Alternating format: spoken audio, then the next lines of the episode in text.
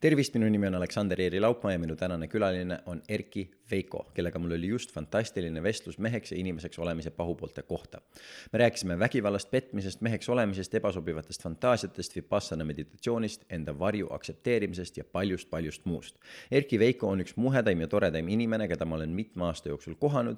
ma nautisin meie vestlust väga ning loodan, et kui see teile meeldis, siis viskate pilgu peale ka tema raamatule nimega Kingitus, mis ilmub viieteistkümnendal detsembril ning mille leiate tema nime kaudu sotsiaalmeediast või mõnest eriti lahedast raamatupoest tänast podcasti toetavad Jeesus Nazaretist, Siddhartha Gautama ja keegi kolmas. imeilusat kuulamist.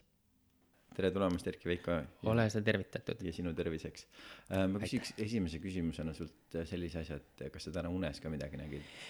kusjuures ei näinud, sest äh, ma olin veits algsist toibumas, aga kaks ööd tagasi nägin oma last unes, oma tütart. see oli väga äge käisime kalal. Äh, kas sa midagi mõtlesid või jõudsid mingile järeldusele ka seoses selle unenäoga või kas sinu jaoks unenäod üldse tähendavad midagi? vist mitte väga.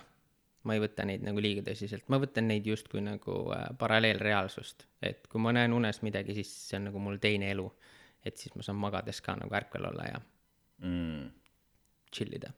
Põnev, ma nägin täna öösel unes äh,, et äh, mu eks eile kirjutas mulle, ta tahaks minuga kokku saada või nagu minuga aega veeta.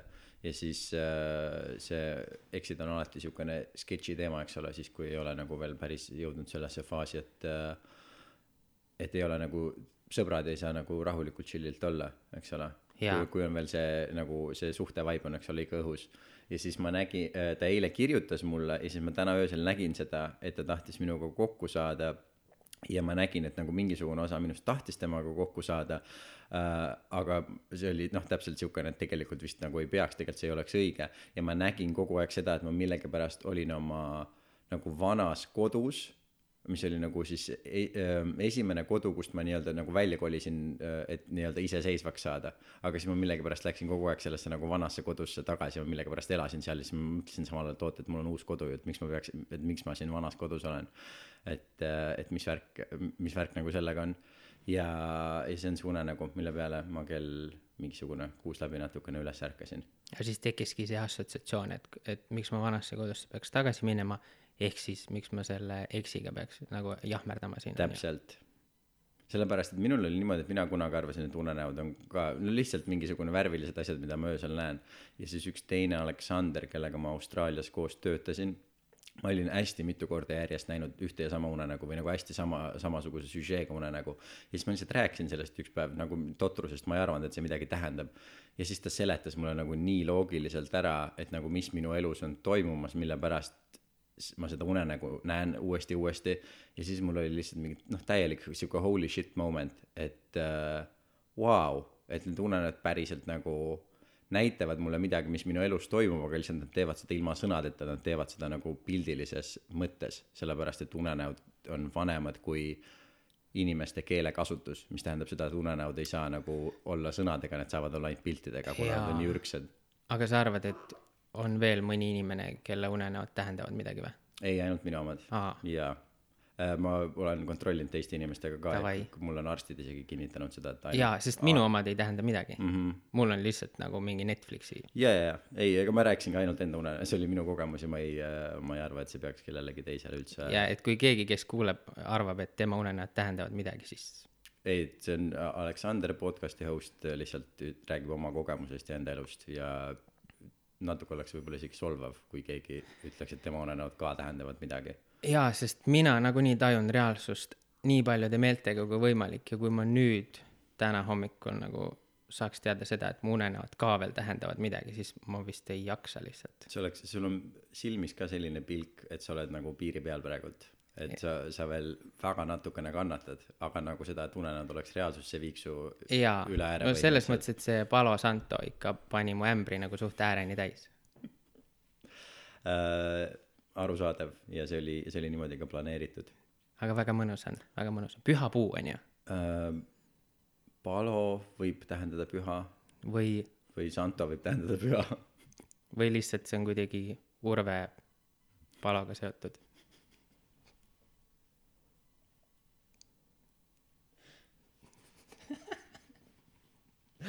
ma jah, ma Urve käest saan oma äh, et kui mina tooks seda püha puud maale, siis see oleks Veiko Sandma. jaa, aga ma veel ei too, sest et see oleks ka liig. jah äh,, ma lugesin äh, su raamatut ja üks äh, koht, mis seal paljudest, mis seal väga põnev oli, oli see, et sa käisid äh, Vipassanal. jah, kas sa tahad mulle rääkida lähemalt sellest? muidugi. kas sa tahad algust või lõppu teada? tead, räägi ainult lõpp ja siis me saame kokku tõmmata otsad ja hakata võib-olla oma reedese päevaga peale, ma peaks trenni jõudma ja nii edasi. ei, et tegelikult räägi täitsa algusest peale, ma tahan teada, mis sind sinna viis üldse, kui see ei ole mingisugune asi, millest sa ei ole lõpmatuseni oma elus rääkinud ja tüdinenud rääkimast. ma ei ole kunagi varem seda kellelegi rääkinud. ei ole või? ma väga-väga tahaksin teada, kuidas, mis oli see teekond, mis sind sinna viis, kus sa üldse seda äh, Genka nime esimest korda, ma ei tea, kuidas seda hääldatakse, ma ütlen Genka, no minu arust tegelikult on Genka no umbes jah. äh,. et kus sa tema nime esimest korda kuulsid, kas sa üldse olid sellest kuulnud enne, kui sa sinna sattusid või sa ennem sattusid, kuulsid Vipassanast ja alles siis said tema kohta teada, et kuidas, kuidas see, kust see säde üldse alguses tuli? Davai, nüüd ma olen kaks korda käinud, viimane kord ma läksin ainult sellepärast, et ma tahtsin, et mu kallis elukaaslane saaks selle kogemuse, pilleriin. ja äh, minu nagu tingimusteta armastus äh, näeb välja selline, et ainuke tingimus on see, et sa pead olema Vipassanas käinud. et muidu ei ole nagu mingit juttu. ja esimest korda sattusin nii, et äh, kaks sõpra äh, sellist avatud meelega lahedat äh, humoorikat nutikat sõpra mainisid mulle erinevatel aegadel seda. Too näe Erki mõtle et mingi selline asi on et sulle võiks sobida vaata. Et seal Vipassanas öeldakse ka et see Vipassana jõuab nende inimesteni kelleni ta peab jõudma. Noh seda võiks põhimõtteliselt iga asja kohta öelda onju aga aga fentanüül, lihtsalt üks näide. jaa, et minuni fentanüül jõudnud ei ole, järelikult ma ei ole selleks valmis. aga ootan huviga. aga, aga ja siis ma, mul oli kuidagi selline, mul oli justkui puhkust vaja, et ma olin selle ettevõtlusega paar aastat tegelenud ja ja siis äh, online'is saab sinna kursusele registreerida ennast. Panin kirja ja läksin kohale ja väga huvitav oli, see kümme päeva oli tõeline šokiteraapia. kuuendal päeval tahtsin väga-väga tahtsin ära tulla sealt. et esimest korda oli Eestis, teisel korral läksime Rootsi. kuna Eestis koroona tõttu jäeti ära need kursused. ja, ja see näeb umbes selline välja, et sa tegelikult ei saa üldse aru, mis toimub. kuigi kõik juhised on antud, missugune see kursus välja näeb, kuidas see õppetöö toimub, sest äh, rääkida ei tohi. tegelikkuses igasugunegi suhtlus, isegi äh, visuaalne mingi silma vaatamine ei ole, ei ole lubatud. aga esimesed kolm päeva õpid sisuliselt hingamist jälgima ja ülejäänud seitse päeva õpid keha sensatsioone tajuma kehal sensatsioone siis, ühesõnaga, mida sa tunned, kas sa tunned, et kuskilt äh, sügeleb äh,, väreleb, säreleb äh,, on jahe, on soe, on tuim, on, mis, mis veel kehal saab olla? rohkem vist ei olegi. ja siis minu kogemus oli see, et esimesel korral oli meeletu jalavalu. sest et ma ei olnud harjunud istuma ja ma pole üldse harjunud palju paigal olema. Et eks see räägib ka midagi inimese kohta, on ju. kui sa ei suuda paigal olla, siis sul on vaja otsida mingit väljapääsu millestki. ja, ja seal nagu muud varianti ei ole, et sa pead seal paigal olema, küll ainult tunni kaupa, aga seda on piisavalt, et nii-öelda sulle näidata need kohad kätte, millega nagu võib-olla peaks tegelema. aga see rahu, mis sealt saab, on võimas. tulin tagasi, tundsin, et nagu äge, väga äge, elu kuidagi kogu, ma ütlengi, et see kogu see meeltega äh, reaalsuse tunnetamine kasvas hüppeliselt minu jaoks ja elu muutus oluliselt huvitavamaks, et äh, varem ma jooksin lihtsalt nagu päevadest läbi, on ju. tahtmata väga nagu kogeda nagu ma ei tea, ümbrust ja inimesi ja kuidagi pohhui oli, vaata. et äh, vahet pole see nagu see punase mütsiga tädi, kes neid lilli seal müüb. et noh, see on ju tema elu ja see on tema probleem ja mida noh, mida mina sellesse puutun, on ju, aga nüüd ma suhestun äh, palju lähemalt ja vaatan, et kas nii-öelda kõik, mis minu teele satub, et kas selles on minu jaoks midagi, kas seal on mingi info või seal on mingi asi, mida ma peaks tarbima ise või ma peaks seda kinkima või, või see teeks kui mingil muul moel rõõmu või väärtust, kui ma sellega suhestun. Millal sa käisid seal esimest korda? eelmine oktoober. ja siis sa läksid uuesti juba sellel aastal, millal? Äh, see oli ka põhimõtteliselt november või? nagu nüüd äsja või? ja, ja, ja. Vau, okei sellepärast, et see on üks, üks asjadest, mis kui ma olin Austraalias, ma tahtsin ka minna seda tegema, aga mul on kogu aeg sellega olnud selline tunne, et see võiks olla nagu autentne nagu mingisugune Aasia kogemus, et ma ei taha seda nagu mingisuguses lääneruumis teha, et ma tahaksin olla full on nagu selles kogemuses sees sellel hetkel, kui, kui ma sellesse asja sisenen. aga see ongi seesama asi, mis sa ütlesid selle kohta, et, et sellised asjad tulevad meie ellu siis, kui me nendeks valmis oleme, et neid selliseid, selliseid, no ütleme siis, ma ei tea, spirituaalseid või sügavamaid asju, eks ole, on igasuguseid erinevaid sinu ellu, kas satub mingisugune raamat või sa satud džunglisse või sa satud nagu sihukese õpetaja peale. Ja ähm, ma isegi ei tea, mis ma sellega öelda tahan lihtsalt äh, sellel hetkel, kui sa rääkisid, see tunne, mis mulle tuli meelde, oli see, kui mina olin Austraalias ja töötasin, ma töötasin äh, Litchi farmis ja see ei ole nüüd Litsi farm, see on Litchi farm, tead, tead Litšisid, eks ole? Need on need, et maksad raha ja teeb plõuksi või? said õigesti aru. ei, Litši on üks äh, puuvili äh,, mis on, Eestis ma olen seda paar korda näinud äh,, isa kunagi tõi koju Litši äh,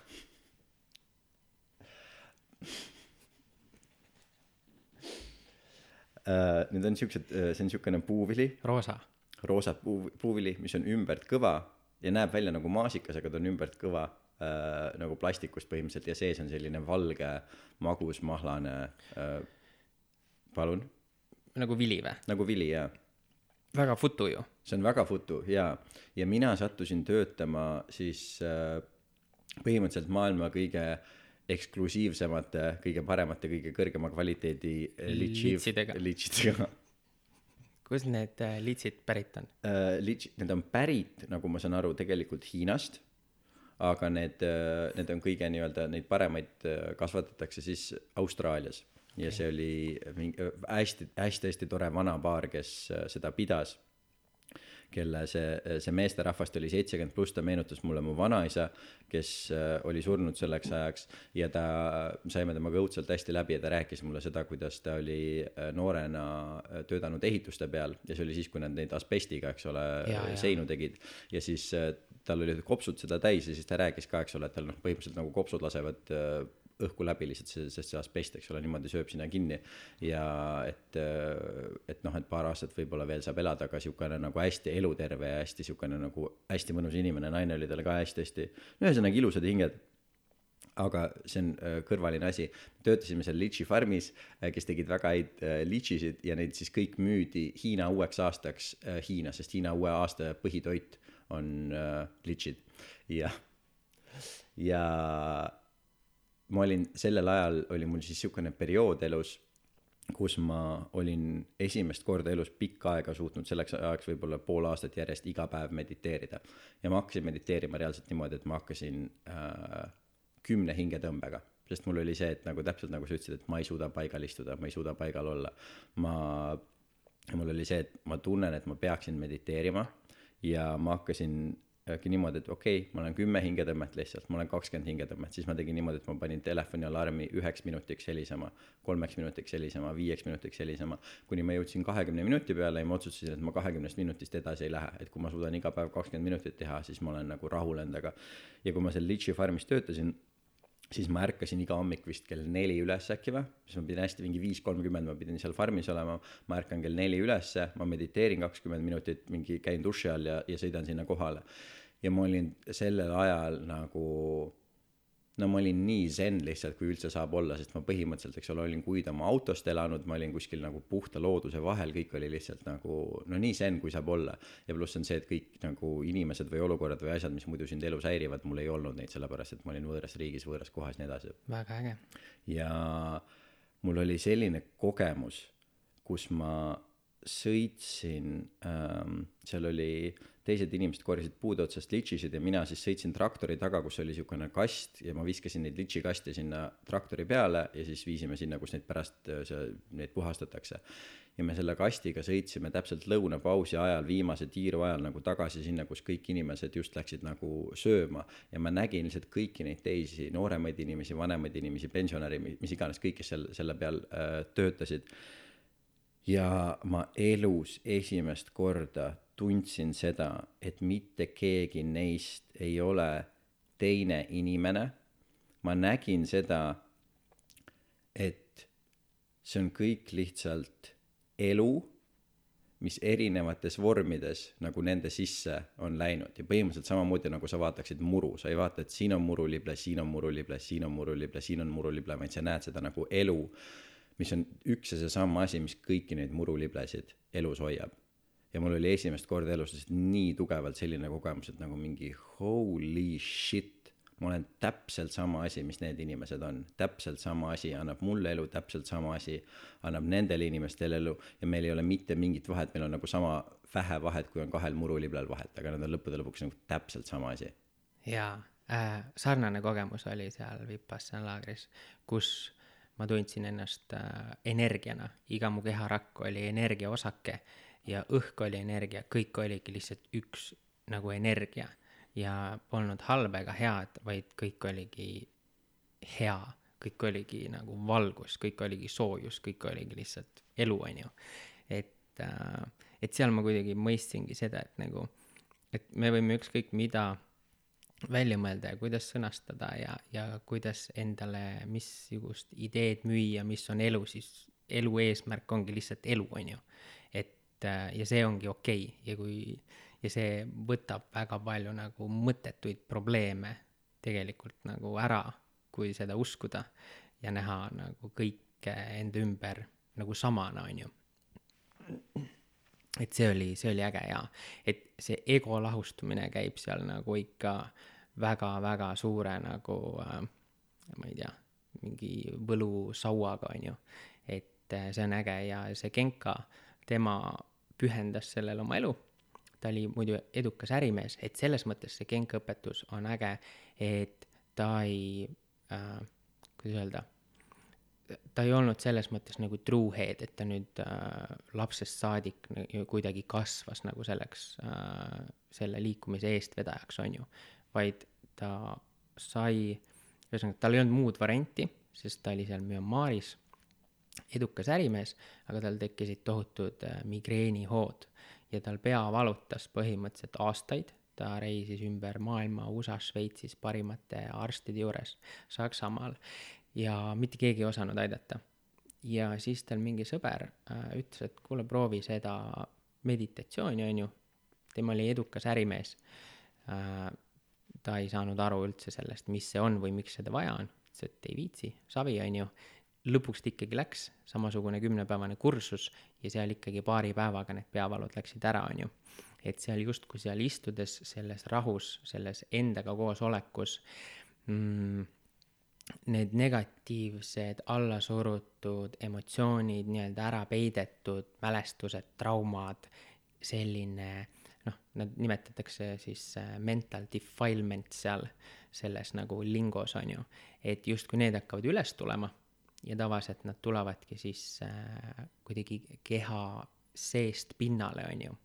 noh, ega valu noh, saab ka olla, kas ta on naha peal või ta on kuskil lihaste vahel või ta on nagu luu sees, on ju. aga lihtsalt minu kehatunnetus oli nii kehva, et ma ei saanud aru, kus see valu on. minu jaoks kõik allapoole vööd oligi valu, on ju.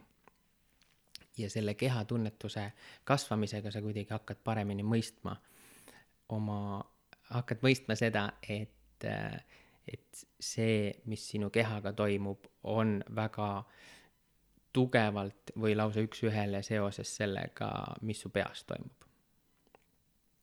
ja see oli väga äge. see nii-öelda kogemuslik pool, kui keegi seda ütleb, see ei tähenda mitte midagi, on ju.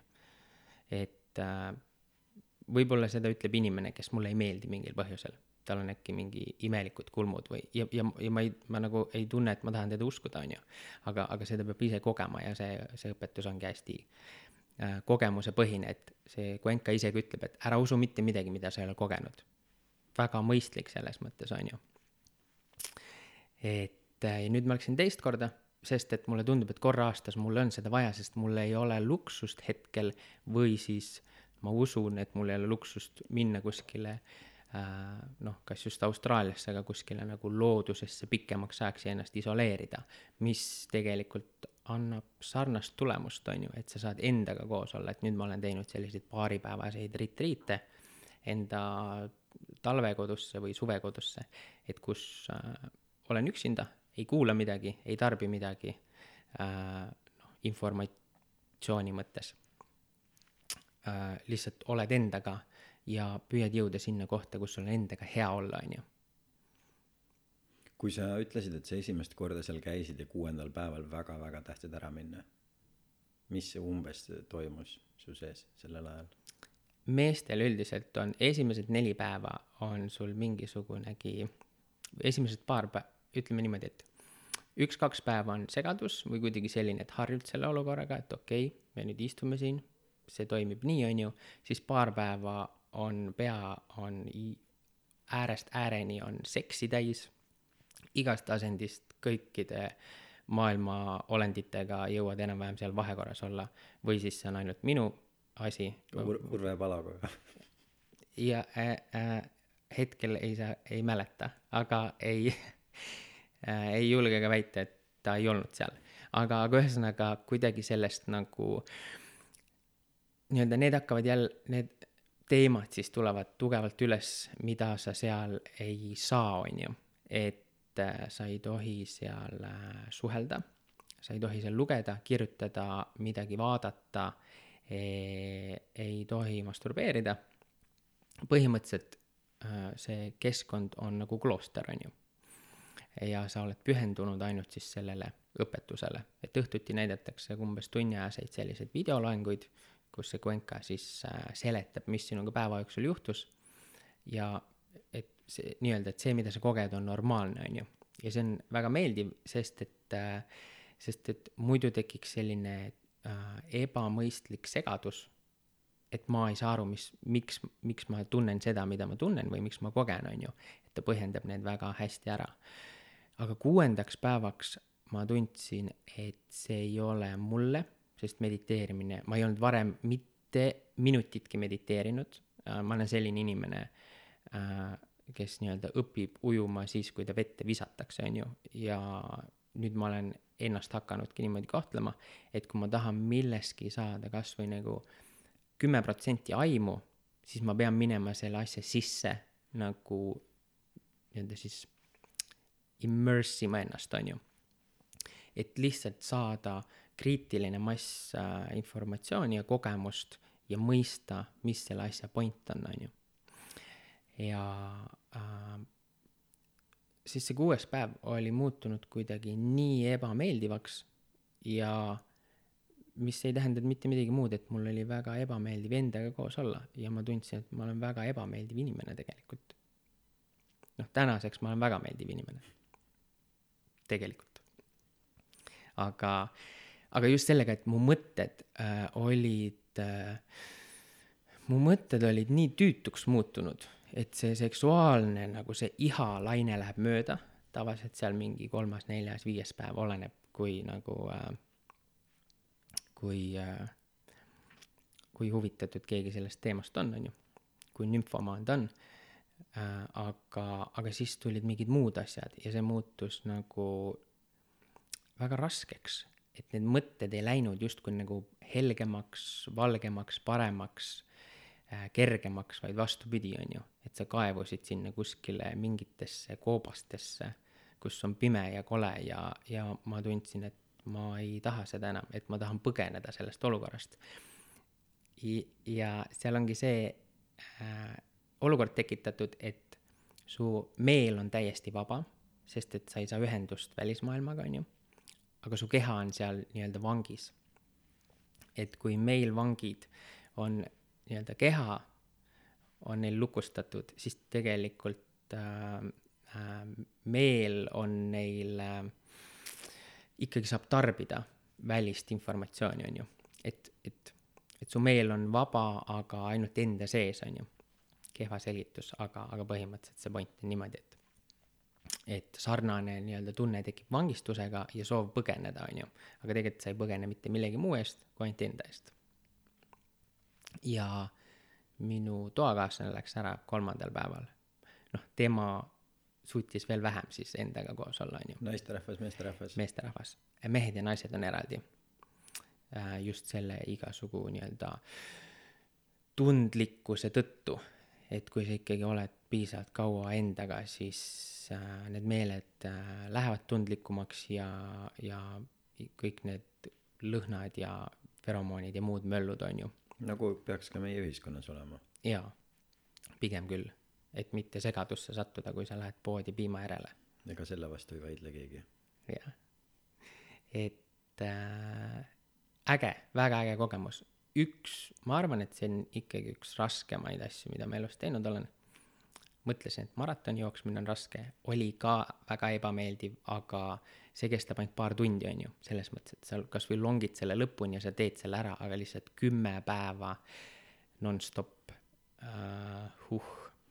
aga räägi mulle sellest, kui sa oled nõus sellest rääkima, et uh, need mõtted läksid tumedaks ja ebameeldivaks ja sa väga-väga tahtsid ära minna, kas mingi asi, mis sind sellest nii-öelda läbi aitas, kas sa ise lihtsalt äh, ütlesid endale, et fuck it, ma juba tulin, teen lõpuni ära nagu selle maratoni viimased kilomeetrid või jällegi vaatasid seda Genka videot ja tema nii-öelda seletas, mis sinu sees toimub ja see andis sulle jõudu, et mis see, et kust see pöördepunkt tuli äh,? mõlemad, aga ütleme, et kui seda videot vaadatakse õhtul seal kuue-seitsme paiku, siis äh, mul see tunne, et ma tahan ära minna, oli juba lõuna ajal või isegi hommikul äkki või. vaata selline paha aimdus ja nagu selline süda on natuke paha või nagu maos on nagu sitt olla, on ju mm. -hmm.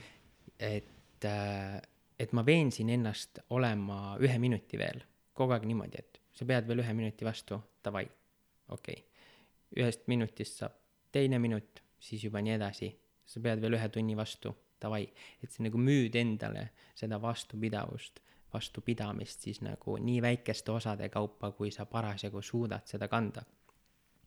et noh, see, ega seal maraton on ka lõpuks koosneb ju mingi millimeetritest, on ju. et kui sa suudad veel selle meetri edasi minna, siis nagu sa suudad ilmselt ka selle sajanda meetri ja ka selle neljakümne teise kilomeetri lõpuks, on ju. et äh, ja siis Cuenca video ka rahustas maha. Sest tegelikult ta ütles seal, et kuues-seitsmes päev on tavaliselt kriitilised pöördepunktid, kust miskipärast inimeste nagu võime endaga koos olla nagu kukub drastiliselt, on ju. et ma ei tea, mis see, mis see äh, bioloogia seal taga on. see, kui sa rääkisid sellest, et äh, inimestel tuleb üles väga palju neid äh, seksuaalseid asju, igasuguseid noh, siukseid maiseid ihasid, et see on ähm, nagu selline destilleeritud või võimendatud vorm sellest, mis meil tegelikult ju igapäevaelus on, on sellepärast, et meil on noh, igal inimesel on tohu ja lahendamata kuradi probleeme ja traumasid ja muresid ja asju, millele me tähelepanu ei pööra. Ja põhilised asjad, eks ole, millega me seda nii-öelda eemal hoiame, on see, et me teeme tööd, me sööme, me seksime noh, põhi, põhimõtteliselt, eks ole, nagu siuksed äh, kehalised asjad, tegevuslikud asjad ja noh, asjad, mida sa saad nii-öelda ihaldada, et mis mingisugust äh, tunnet äh, rahuldab. ja kui me need asjad nii-öelda, need on ka need asjad, mille peale inimesed tihtipeale mõtlevad, kui nad magama jäävad, on nagu mingisugune söömise peale, seksimise peale, mingite selliste asjade peale, mis võtaks nagu sellelt ebameeldivalt selle tähelepanu ära. aga siis sellel hetkel, kui äh, niikaua, kui me rahuldame neid vajadusi, niikaua, kui me nagu läheme sinna külmkapi juurde, võtame süüa, niikaua, kuni me, ma ei tea, masturbeerime või leiame mingisuguse teise inimesega, kellega seksida. Äh, või niikaua, kui me saame kogu aeg tööd teha, oma keha liigutada, mõni inimene, kasvõi see, et kogu aeg peab hullult sporti tegema, noh, mis iganes asi see on.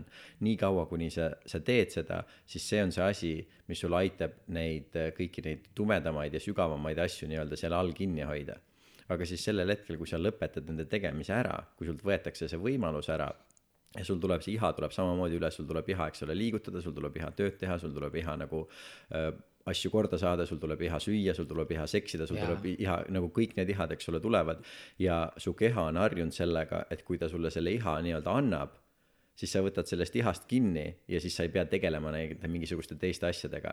aga siis, kui sa nii-öelda käsed endal olla või lased endal olla ja lased lihtsalt sellel ihal tulla ülesse, mis iganes iha see on ja sa ei lähe sellega kaasa, siis mingisugune hetk su keha saab aru, et okei okay,, see, ma ei saa selle nagu, see ei tööta enam.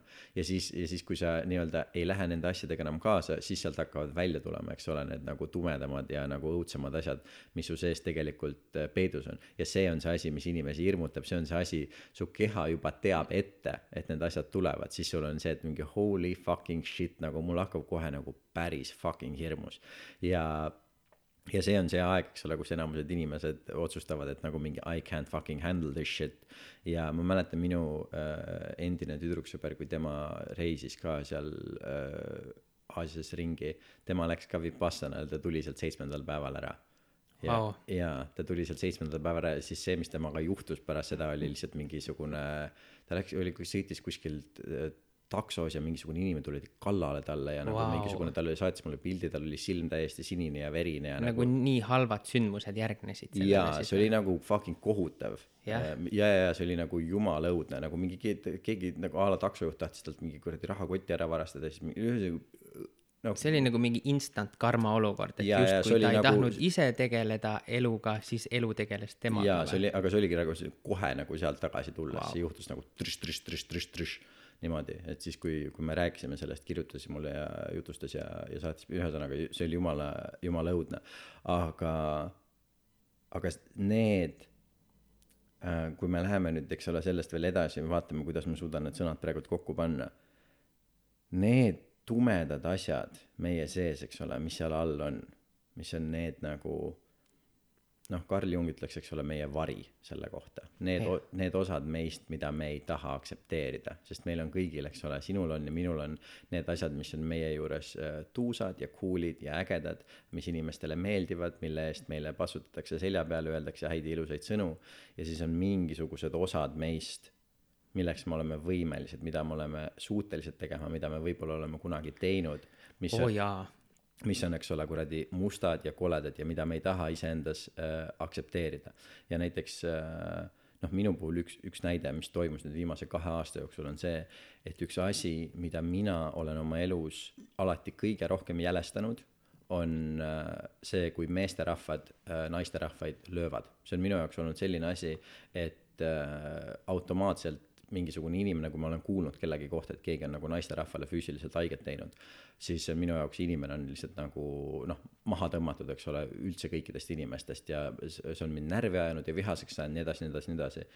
nii kaua, kuni äh, ma sain aru, et see põhjus, miks see niimoodi on, on sellepärast, et minu sees on tegelikult osa, mis on võimeline minema suhtes teise inimese peale nii närvi, nii vihaseks, olla nii musta masendust täis, et ma tahaksin selle inimese lihtsalt nagu, kui mitte surnuks peksta, siis nagu poolsurnuks vähemalt. ja ma nägin nagu väga-väga keerulistes olukordades, kus need nagu tunded minu sisse äh, kerkisid ja ma nägin nagu mul mängisid peas nagu mingisugused fantaasiad lihtsalt nagu mingisugusest nii grotesksest vägivallast et see on täiesti nagu uskumatu ja ma ei ole elu sees olnud nagu vägivaldne inimene, eriti naisterahvaste vastu. kõik minu elukaaslased, kes mul on olnud, hea meelega kindlasti kinnitaksid seda, kui ma ähvardan neid, ei äh,. et, et selles mõttes, et ma olen, ma olen noh, ongi oma iseloomult hästi nagu armastav ja hooliv ja hell ja kõiki siukseid asju. aga võib-olla nad poleks su eksid, kui, kui sa oleks neid peksnud. Boom, see on jällegi väga hea point. oleks koos olnud siiamaani õnnelikus suhtes. ma panen kirja selle äh, aga ühesõnaga see, et ma olen hell, see, et ma olen armastav, see, et ma olen hooliv, need on kõik need asjad, mille üle ma olen ise, eks ole, uhke, mul on hea meel, eks ole, mul on hea meel, kui ma kellegagi suhtesse astun ja siis ma tean, et ma saan sellele inimesele näidata seda, kui hooliv, hell, armastav ja nii edasi, kõiki neid asju ma olen.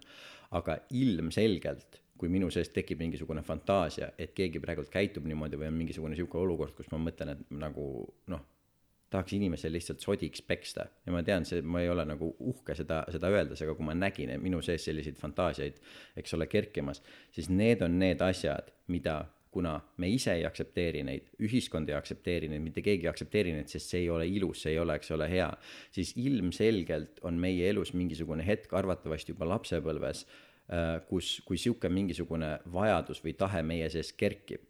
Ja see vastus meie enda poolt ja ühiskonna poolt on see, et see on paha, see on vale, siis me ei õpi seda endasse integreerima, vaid me õpime selle maha suruma, sest see on häbiväärne, see on halb, see on paha, seda ei tohi olla.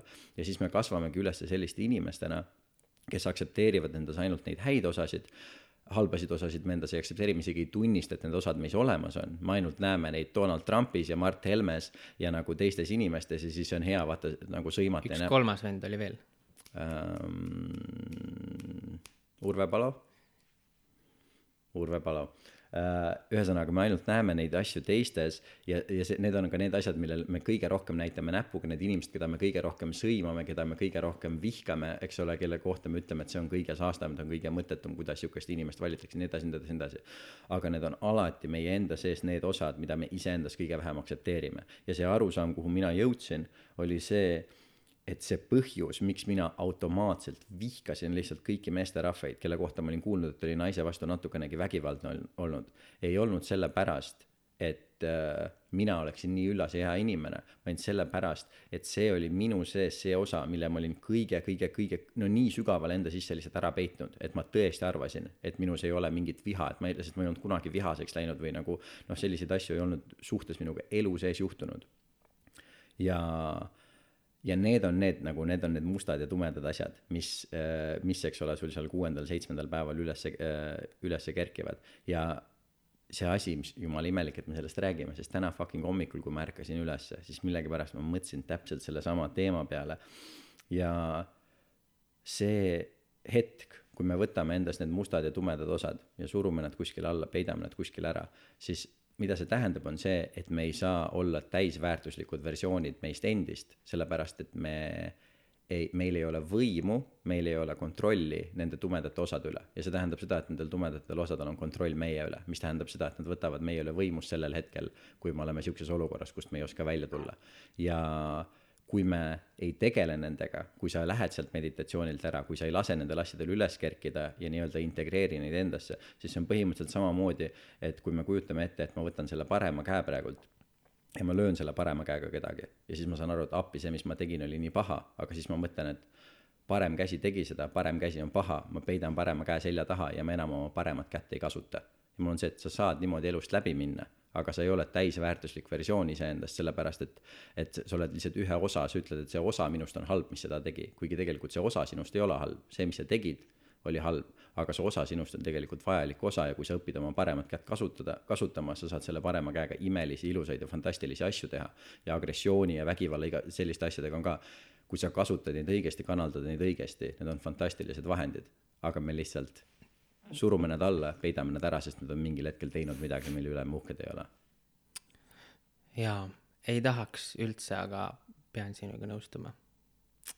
et lõpuks on ikkagi tasakaal, on ju. et meie sees ei saa olla ainult nagu, selles mõttes, et meie sees ongi harmoonia harmoonia ei tähenda ainult nagu paaniflööt ja veevulin, on ju. harmoonia ongi kõik need plussid-miinused koos, muidu me lihtsalt ei püsiks koos, on ju. nagu äh, nii-öelda energeetiliselt. et äh, jaa, siis tulid nagu noh, laviinina kõik need minu olemuse aspektid, mida ma ei, ei taha tunnistada, ei taha teistele näidata. et ma olen ühest, ühe suhte niimoodi lõpetanud kus ma tundsin, et ma kaotan kontrolli enda üle, ma oleks peaaegu sellele naisele kallale läinud ja see oli nagu nii, ma ehmusin sellest nii ära ja ma ütlesin talle, et me käisime suhteteraapias. ja seal, see juhtus teraapias kusjuures, kõige crazy im üldse nagu see, nagu see oli nii hirmus ja ma ütlesin talle, et ma ei saa sinuga enam kohtuda, sest et ma ei suuda ennast talitseda äh, sinu nagu kohal olles, on ju. Et ma ei suuda, ma ei, ja ühesõnaga, et ma ei ole nõus sinu pärast muutuma nagu naise lööjaks, vaata, et ma ei saa seda endale teha. ja sellepärast me ei saa enam kohtuda. et nagu ma nagu kaotasin täiesti mõistuse ja, ja ma ei ole tegelikult vägivaldne olnud, ma olen suht nagu vuss olnud koolis, ma pigem ka sain ise kvälki kui nagu vastupidi, on ju. et ei inimeste ega loomade ega üldse elusolendite vastu. mu vanaisa oli väga loodust armastav. ja siis kuidagi tema pealt õppisin hästi palju seda, et noh, kuigi maal ikkagi aastas paar siga löödi maha, noh, hea sülti teha ja nii edasi, aga ütleme, et see oli nagu väga teadlikult ikkagi toidu pärast, on ju, et, et äh, ma ei tule kohast, kus nagu lõbu pärast on kedagi piinatud või tapetud, on ju. Või, või jahitud näiteks loomi, sest see kuidagi annab mingi adrenaliini doosi, on ju. aga see ehmatas mind tõsiselt, tõsiselt ära ja siis ma mõtlesin, et vau davai, Erki, et noh, et see, mis sa arvad, et sa oled, sa ei isegi ei kujuta ette, mida sa nagu kõike veel oled, on ju ja, ja eks ma sinna raamatusse kirjutasin ka nii ausalt, kui, kui see kannatas, et noh, missuguseid sotsiopaatilisi, psühhopaatilisi, missuguseid nagu tundmusi ma olen endas nagu leidnud ja avastanud ja seda ääretut, lõputut ükskõiksust nagu enda ja teiste suhtes kogenud, on ju, kuni selle hetkeni, et lihtsalt esimene mõte, mis mul päeva jooksul pähe tuleb, on see, et mul on kõigest täiesti pohhui. Et nagu ma ei taha midagi, ma ei taha kedagi ja ma ei saa aru, miks ma eksisteerin, on ju. et äh, aga kui kuidagi selle, selle, selle teadmisega nagu mm, hästi läbi saada, et see on okei okay, ja see on meie sees ja, ja mitte jah, seda äkki siis alla suruda või. et äh, suhestuda ja suhelda, on ju mm, -hmm. selle meie, selle varjupoolega. et nii-öelda nagu nii nagu sa ütlesid, et see, et need inimesed, kes on sinu väärtushinnangute nii-öelda järgi, siis äh, mm, mitte sobivad sinu ringkonda, on ju, siis tundub, et meil ei jää tegelikult muud üle, kui ka ikkagi nendega mingit sidet hoida, mitte neid täiesti välja, puhtalt sellepärast, et olla ühenduses ka selle poolega maailmast, on ju, et me võime ennast isoleerida, aga see ei lahenda seda probleemi, on ju. minul on sama asi äh, petjatega, on ju, keda ma tean, et kes on oma naist petnud, eriti kui neil on lapsed, on ju. minu pähe see ei mahu, minu jaoks on see täiesti vastuvõetamatu, sest äh, petmine nii-öelda seksuaalaktina on ju noh, see on nii lamp lihtsalt, on ju. et kui sa lähed seda otsima äh,, mida sa enda nagu kaaslanna käest ei saa või kaaslase käest, on ju, noh, siis sa pead, peaks seda rääkima lihtsalt ja, ja tõenäoliselt jõuaks mingi lahenduseni aga, aga tavaliselt see, seda minu meelest tehakse pigem selle seikluse ja selle äh, põnevuse pärast rohkem, on ju, mis on minu silmis väga kurb, et sest et sa ikkagi tood koju selle, selle energia, selle nagu, selle petetud energia, on ju. ja kuna mina olen isata üles kasvanud selles mõttes sellisest siis mittetäielikust perest, on ju ja, ja ma ei tea, kas see nagu petmise pärast see asi laiali läks täpselt, võib-olla kaudselt, ma ei, ma ei tea, kui kaugele see asi nagu või mis need detailid seal olid. aga mulle tundub, ma võin eksida muidugi, et petmine ei loo kunagi nagu paremat kodu, on ju, mitte ühelegi osapoolele ja sellepärast äh, mina seda ei saa aktsepteerida. Ja ma ei saa nende inimestega ka suhelda, kelle, kes on teadaolevalt nagu niimoodi äh, ütleme, et jätkavad siis käitumist veel eriti, on ju. et äh, see ei ole minu jaoks nagu okei okay., aga ma samas mõistan, et, et selles on ka oma nagu noh, see ka ei ole nagu päris õige, on ju. kuigi nüüd ongi see küsimus, et nagu kui, kas, kas me peaks nii-öelda kui meil on oma moraalikoodeks või norm, on ju, oma moraal, see, mida me justkui nagu endale, enda lähedastele nagu äh, siis ne-, nendelt nõuame, on ju, et kas siis me peaks lõikama need inimesed oma elust ära täielikult, kes selle normi vastu eksivad, on ju.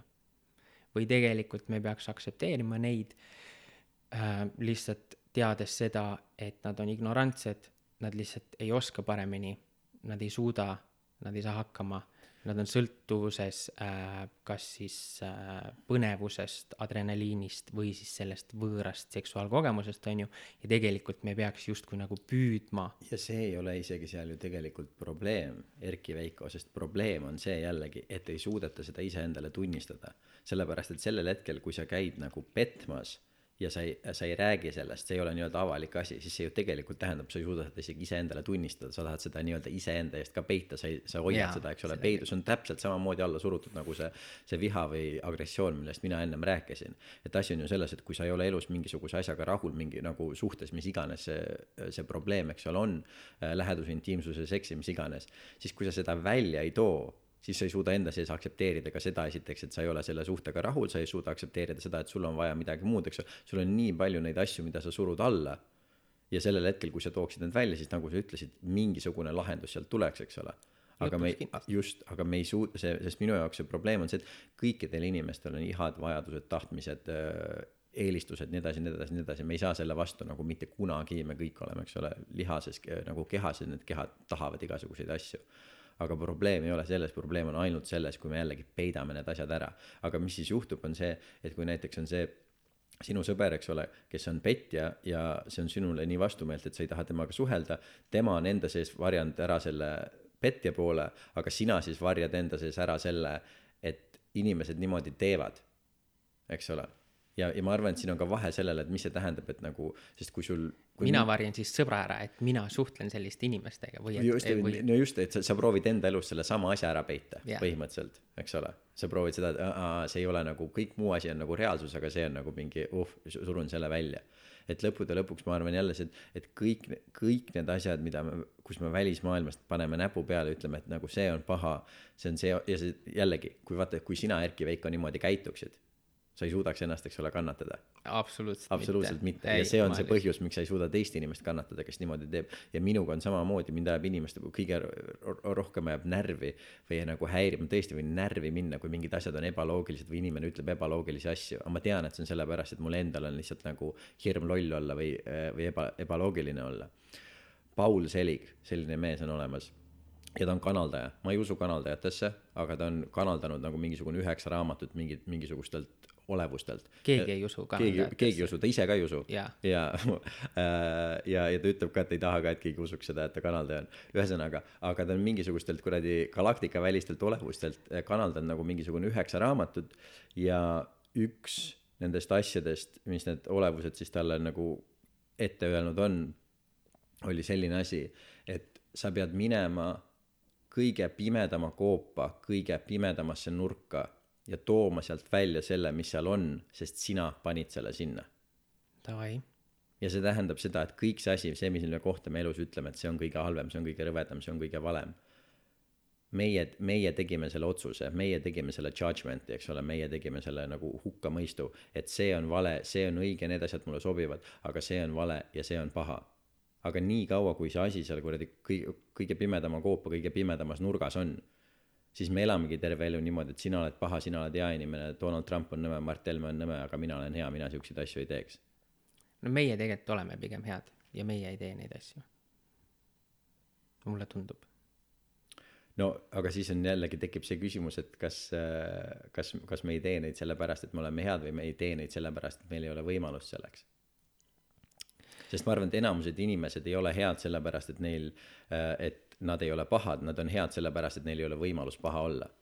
jaa, noh, tegelikult äh, ma arvan, et mingid asjad ammenduvad, on ju. vaata, kunagi meeldis, mulle meeldis juua nagu ikka palju, on ju, gümnaasiumi ajal. see oli kuidagi äge, see, see pani mind teistmoodi tundma.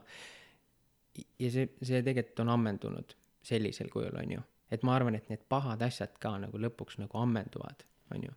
et valetamisel, selles on oma mõnu, on ju, manipuleerimises on oma mõnu tegelikult. inimeste piiride ületamisel on oma mõnu, sest see annab justkui sulle nagu jõu ja võimu, Ja on ju. ja see on see põhjus, miks meile meeldivad pahalased, miks meile meeldib Rick, eks ole, sellest Rick and Mortist, eks ole. meile meeldivad pahalased sellepärast, et need kõik need varjuasjad, millest me ennem ka rääkisime, eks Jaa. ole. Nemad aktsepteerivad neid enda juures, nad ei proovi neid ära peita, neil on see, et mingi fuck jah, ma valetan, fuck jah, ma manipuleerin, fuck jah, ma petan, fuck jah, ma olen agressiivne, ma olen vägivaldne, kõik need asjad, eks ole.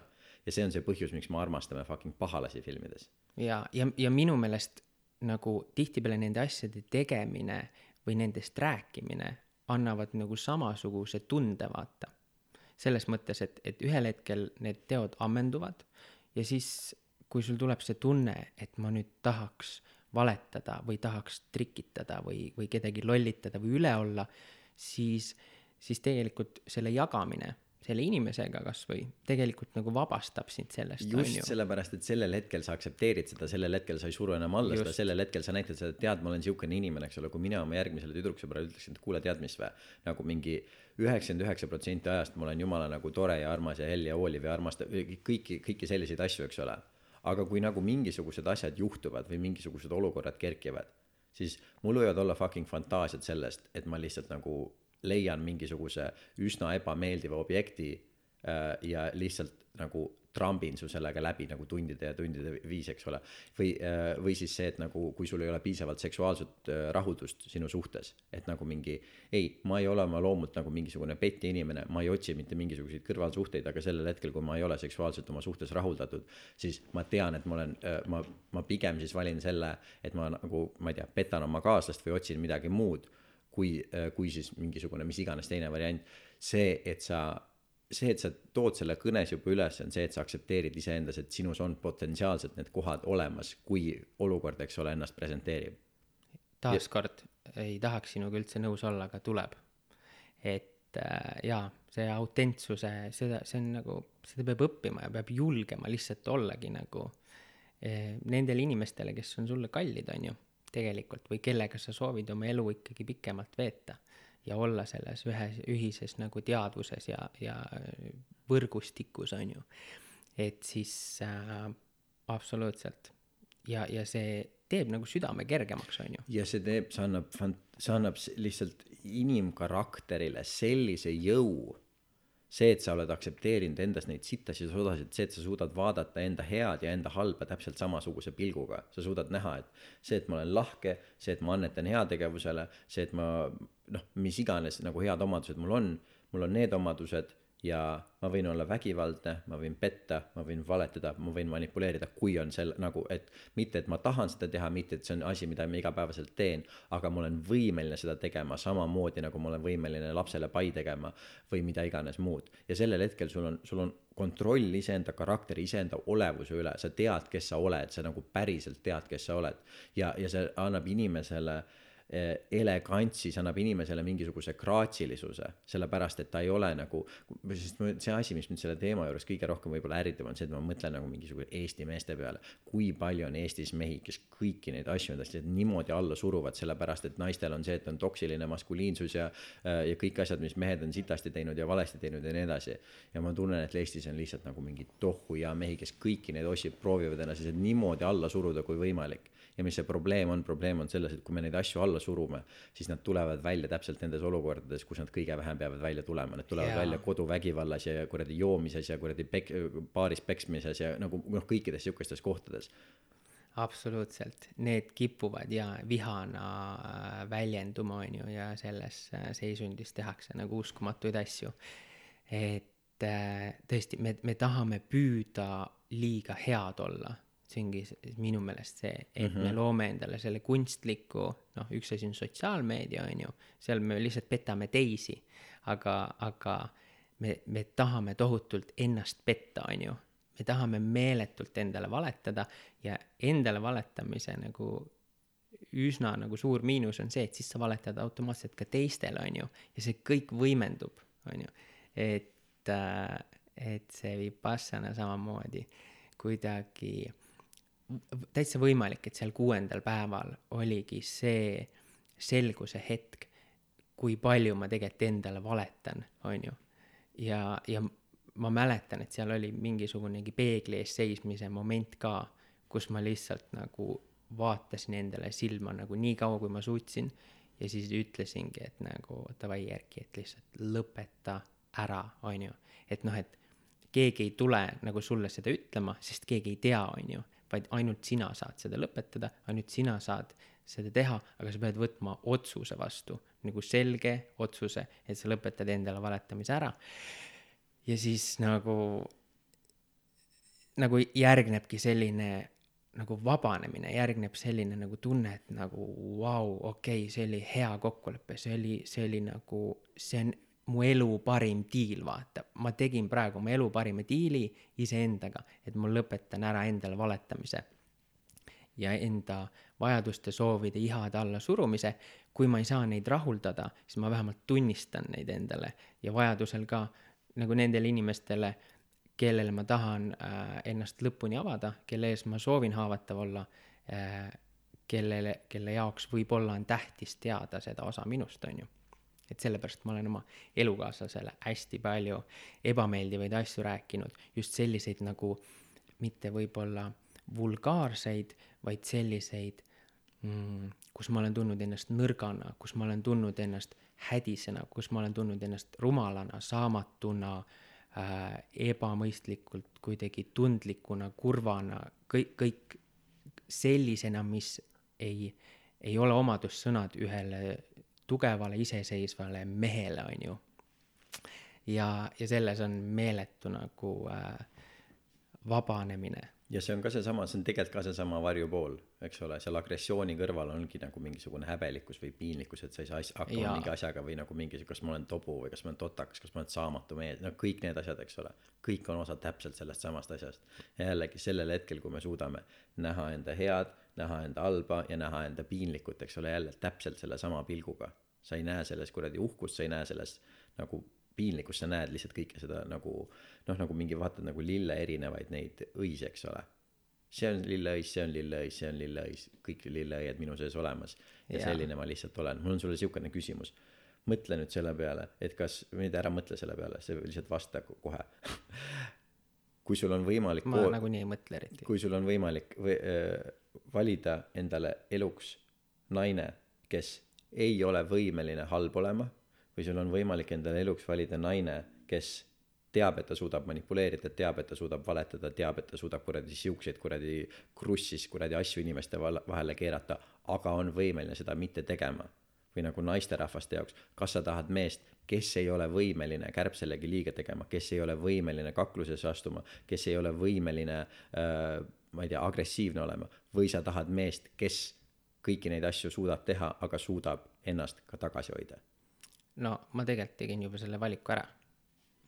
ja, ja, ja kui mul oleks valida nii-öelda teistpidi, et, et, et mu kaaslane ei suuda neid, siis tegelikkuses ma valiks ju endale äh, väga kontrollitud kogemuse mm, -hmm. null üllatust mm, -hmm. null põnevust mm -hmm.. Noh, selles mõttes, et siis ma võiks oma elukaaslaseks ju võtta mingisugusegi telliskivi, on ju, kes ei ole võimeline nagu... midagi tegema, vaid ta lihtsalt on seal mm. -hmm. et äh, absoluutselt, et kuna mina näen elu nagu kogemuste hulgana, on ju ja, ja igas selles ka negatiivses kogemuses on ju tegelikult see positiivne pool sees, on ju et äh, noh, umbes nagu pannakse ilusaid pilte endast üles äh, meigitud ja siis kommenteeritakse ja like itakse ja räägitakse, oo kui ilus sa oled, on ju. et tegelikult selle meigiga sa ju peidad ära enda näo, on ju mm. -hmm. et selles mõttes, et nüüd ongi minu jaoks on alati see küsimus, et nagu kas sa tahad mulle näidata, kui hästi sa ennast meikida oskad või sa tahad, et ma ütleks sulle, et tegelikult sa oled meigita ka ilus mm, -hmm. on ju. Või no minu jaoks ongi see küsimus, et mida sa tahad, et mida sa tahad minult nüüd saada, on ju. et mulle meeldib see idee, et ma tegelikult tahaks sulle öelda, et nagu sa ei pea seda värvi sinna panema, sa oled ilma ka kaunis, on ju. aga, aga ma ei ole nagu äh, läinud nagu maadlema nende piltide all, aga iga kord, kui ma seda vaatan, siis ma mõtlengi, et nagu noh, nii nagu äh, seal Kosmikute laulus, et iga reklaamitahvli taga on osa sellest, mida ei reklaami mitte keegi, vaata. et seal on see nagu tühjus, mida justkui keegi ei näe. et, äh, et äh, mulle meeldib, mulle meeldib see, et tõel on nii-öelda mitu vaatenurka, on ju. ja, ja see, kuidas seda olukorda keegi parasjagu mulle kommunikeerib, et seal on need mõlemad pooled sees. See annab elule selle huvitavuse, on ju mm. -hmm. minu jaoks lihtsalt on see üks, üks asi veel selle teema kohta öelda, et äh, ja ma olen seda juba mitu korda öelnud ka, aga see on eriti selle nagu viimase aasta jooksul saanud minu jaoks üheks nii-öelda kõige tähtsamaks siukseks nagu ma ei tea, mõõdupuu ei ole võib-olla õige sõna, aga mingi asi lihtsalt, mida ma panen kogu aeg tähele ja mida ma näen ja see on täpselt see, et kui inimesed internetis või avalikus elus mingisuguseid kindlaid nagu persoone kogu aeg nagu salvavad ja, ja te, jätavad sellise mulje, et nagu ainult üks nagu täielik idikas saaks niimoodi käituda ja nagu mingi ükski normaalne inimene niimoodi ei käitu, siis minu jaoks on automaatselt signaal sellest, et sina lihtsalt iseenda sees ei suuda aktsepteerida seda, et sa võid tegelikult olla ka kuradi diktaator ja türann ja munn ja, ja kõiki selliseid asju ja suure tõenäosusega see põhjus, miks sa ei käitu niimoodi, ei ole sellepärast, et sa oled nii hea inimene, vaid see on sellepärast, et sul lihtsalt ei ole selleks võimalust.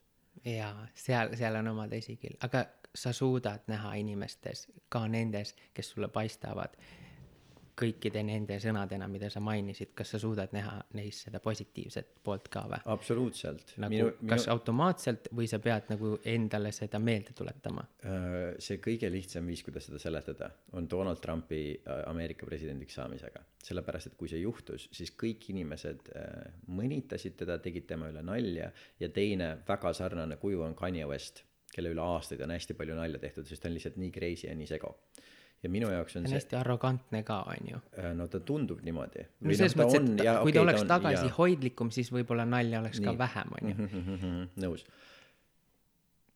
mina nägin seda, aastaid nägin seda, kuidas räägiti Kanye Westist, kuidas räägiti Donald Trumpist. ja mina neid mõlemat inimest vaadates, see tunne, mis tekkis minu sisse, oli hirm seesama nagu sarnane tunne, kui sul hakkab, kõhust hakkab vastik, kui sa seal Vipassana, mis iganes, mitmendal päeval sa oled, kui sa tunned, et nagu mingi holy shit, nagu mingit paska tuleb ülesse.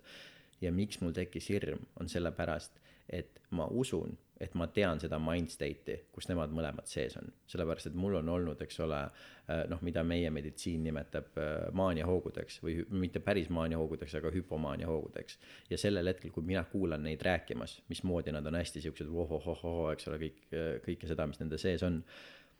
ma tean seda tunnet ma, ma ja ma tean seda, et kui minu elus oleks mingisugused asjad läinud natukene teistmoodi, teised inimesed, teised ained, natukene teised meeldimised, mis iganes, siis mina tean see, mis, mismoodi mina saaks täpselt samamoodi käituda nagu need tüübid. ma lihtsalt, ma nii hästi tean seda, kuidas ma saaks täpselt Jaa. samamoodi käituda, no lihtsalt noh, ühesõnaga, sest ma olen näinud iseendas sedasama osa ja sellepärast mina kordagi ei ole kummagi nende inimese üle teinud nalja neid mõnitanud, sellepärast et mina näen nendes inimestes äh, iseennast ja mul on sellepärast, mul on kahju, mul on sümpaatia ja, ja sest nagu minu aju on teinud nagu nii fucking kuradi veidraid ja huvitavaid asju ja ma olen kogenud nii veidraid ja huvitavaid asju. et ma ei ole selles kohas enam, kus ma saaksin lihtsalt näpuga näidata ja, ja mõnitada.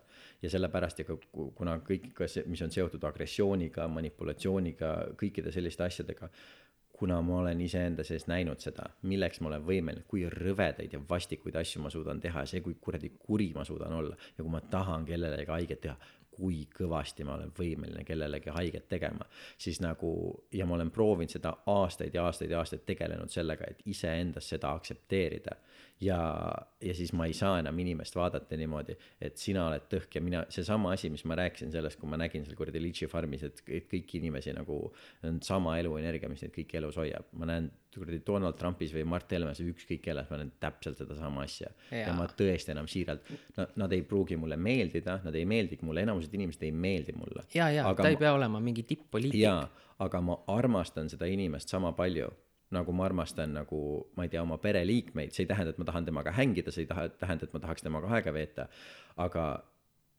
ja, ja ma võin, võin sellise inimesega, kui ma peaksin temaga vestluses olema, ma võin väga palju nalja teha selle üle, mis talle öelda on, tema arvamuste üle ja nii edasi, nii edasi, nii edasi, ma võin kõike seda teha, aga ma ei arva seda, et ma olen temast kuidagi parem ja ma ei arva seda, et mina ei ole võimeline samasuguseks sitaks, nagu tema on. Ja kui mina ei oleks sellel positsioonil, et ma ei oleks veel suurem fucking munn ja, ja tegelikult see on hirmutav mõte, et me võib-olla oleks, on ju, sest et see muudab, äh, ma mäletan nii hästi äh, pärast gümnaasiumit, kui ma läksin väkke ja siis ma, mul oli palju aega Kadriorus seal presidenti valvata ja seal ma mõtlesin ka toredaid asju välja ja meenutasin oma nagu seda äh, gümnaasiumiaega Tartus, kus ma panin ka hullu nagu just sellega, et ma lihtsalt tegin seda, mida ma tahan. äh,, mõtlemata, mida keegi tunneb äh,, mida keegi kogeb äh, ma olin nagu üheksakümmend mingi kaks protsenti lihtsalt ego peal nagu sõitsin ringi, onju. ja siis hiljem mõtlesin, et täiesti perses, et jumal tänatud, et mul raha ei olnud, jumal tänatud, et ma vaene olin, ma oleks nii palju rohkem äh, kannatusi mul, mul, nagu mul oleks olnud nagu nii pohhui kõigest, ma oleks vaadanud, kuidas maailm põleb ja naernud, sest et minus ei olnud empaatiat, et mõista, et minu tegudel on nii sügavad tagajärjed, on ju. Jesus, selles mõttes ma olen nii tänulik, et ma nagu lapsepõlv nagu, et ma olin nagu selline noh, vaene või ei ole nagu otseselt vale, on ju, et mul ei ole piinlik seda öelda, et kõik põhivajadused olid kaetud. aga, aga mul ei olnud seda võimendust, vaata mul ei olnud seda rahavõimendust, mis laseb mul nagu täielikuks debiilikuks minna nagu nullist sajani mõne sekundiga, onju täp-, nagu nii sada protsenti sama, nii sada protsenti sama, ma kunagi, ma mäletan, kui ma mingi nagu paar aastat pärast seda perioodi sain aru sellest, et nagu mingi holy shit, kõige suurem tänu, mis mul on, on see, et mul ei ole olnud nii palju raha, kui ma olen tahtnud, sest kui mul oleks olnud see raha holy fucking shit nagu lihtsalt noh, see oleks yeah. noh, et ma ei, missugune rongi kuradi õnnetus see oleks olnud uh,. ma ei, ma ei taha ette kujutada, see hirmutab mind ja sellepärast yeah. ongi nii tihti on see, et nagu sa arvad, et sa tahad raha, aga raha võib olla ainukene asi, mis on nagu kuradi sinu ja selle rongiõnnetuse vahel nagu see ainukene kuradi limi-, limiitor, mis sul peal on, on see yeah., et raha saab otsa ja sa ei saa rohkem täielik idiootsusi teha. jaa, igasugu ressursiga on tegelikult see vaata, et selles mõttes, et on teatud tüüpi inimesed, ma ei tea, kas see on ambitsioon, ma ei tea, kas see on nagu elujanu, ma ei tea, kas see on äh, huvi või ütleme nagu huvitatus kõigest, on ju, et kui nendele anda nagu väga palju või nagu selline piiramatu ressurss, on ju siis nad lähevad täiesti segaseks peast ära. noh, Adolf on üks vend, on ju, et kui sa annad talle ikkagi nagu ja, ja kui me võtame mingisugusegi ma ei, ma ei tea, mingisugusegi abjapaluja traktoristi, on ju, ja kui talle anda nagu absoluutne võim kätte, ükskõik mis tööriistadega, on ju, siis ma nagu tahan mõelda, et siis ta on hea ja üllas ja nagu lahe, hakkab lahendama nagu janu, nälja ja äh, mingeid vaimse tervise probleeme, aga ma tõsiselt kahtlen nagu mm, -hmm. et pigem on see, et nagu kaevake mulle kuradi äh, nelja ruutkilomeetri suurune bassein ja pange siin see nagu äärest ääreni litse täis, on ju mm. -hmm. pluss nagu pakkuge mulle neid litšisid ka veel sinna näksimiseks kõrvale mm, -hmm. sest et see on mu unistus, on ju mm, -hmm. sest ma lihtsalt tahan ennast hedonismi uputada ja mul on kõigest nii pohhui mm, -hmm. kui, kui sa veel suudad ette kujutada, on ju. ja see on ka üks asi, mis on hoidnud minul enam-vähem tervet mõistust, mis laseb mul olla rahulik, mis ei äh, nii-öelda, ei aja mind maailmaga seoses endast nagu täiesti välja, on see, kui ma näen, mismoodi käituvad meie poliitikud või välisriikide poliitikud. nagu üks parim näide sellest, et nagu mida võim inimestega teeb, on see, et USA-s olid just, eks ole, tänupühad ja nende kõige suurema osariigi äh, kuberner äh, Gavin Newsom äh, tema ütles inimestele, ta tegi esiteks reeglistiku, mismoodi, eks ole, sul, kui sul tuleb pere külla, mismoodi sa tohid süüa, kui kaugel üksteisest istuda, nii edasi, nii edasi, nii edasi.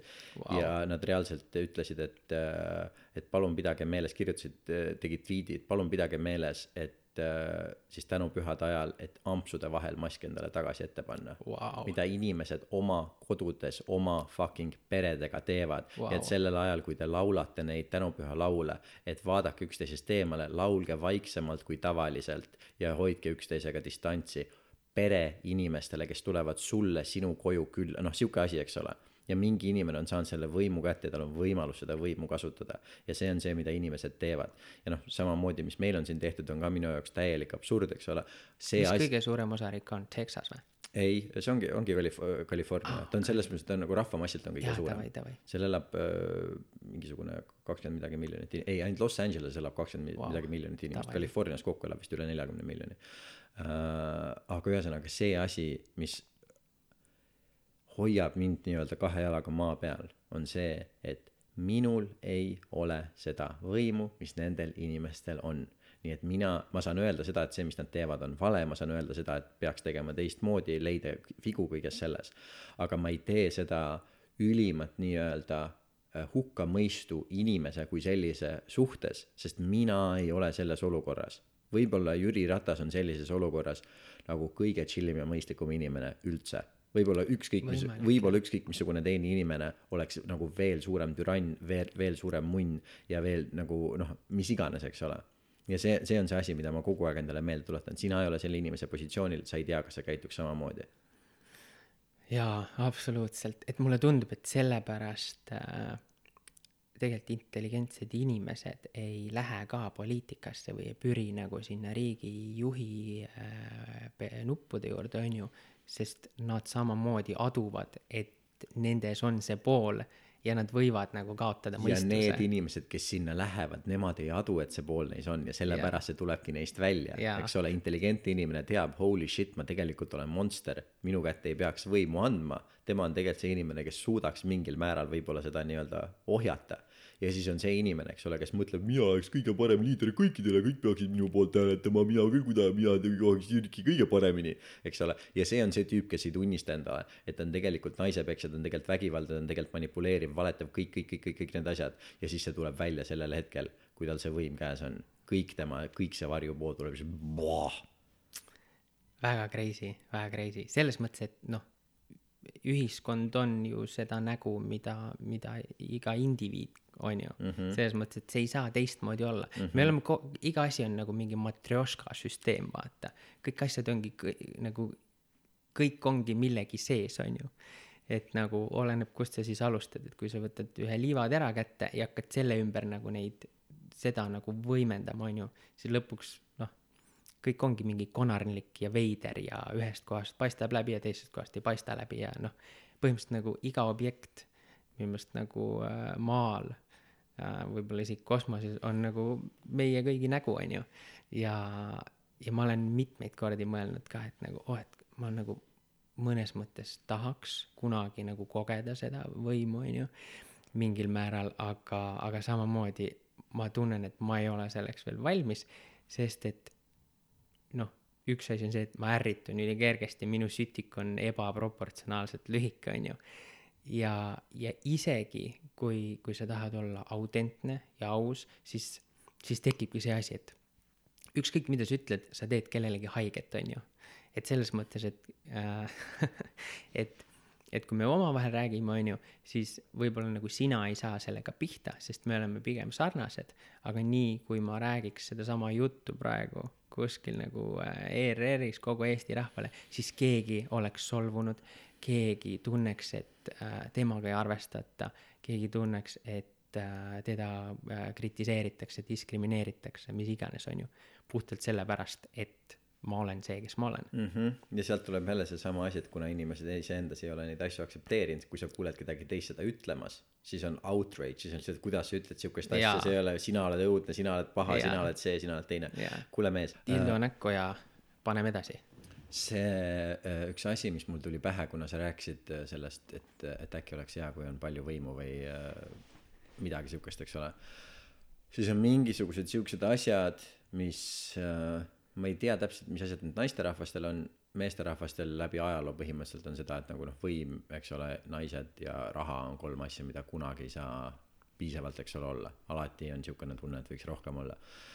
ja mina, kui mina käisin esimest korda elus äh, ayahuascat joomas äh,, kui ma seda viis päeva järjest äh, siis äh, tarbisin, ütleme nii, siis mul sellel kõige viimasel õhtul oli üks äh, nagu väga-väga, no ütleme nii, et nagu väga-väga rets kogemus, mis oli pigem nagu väga-väga hirmutav.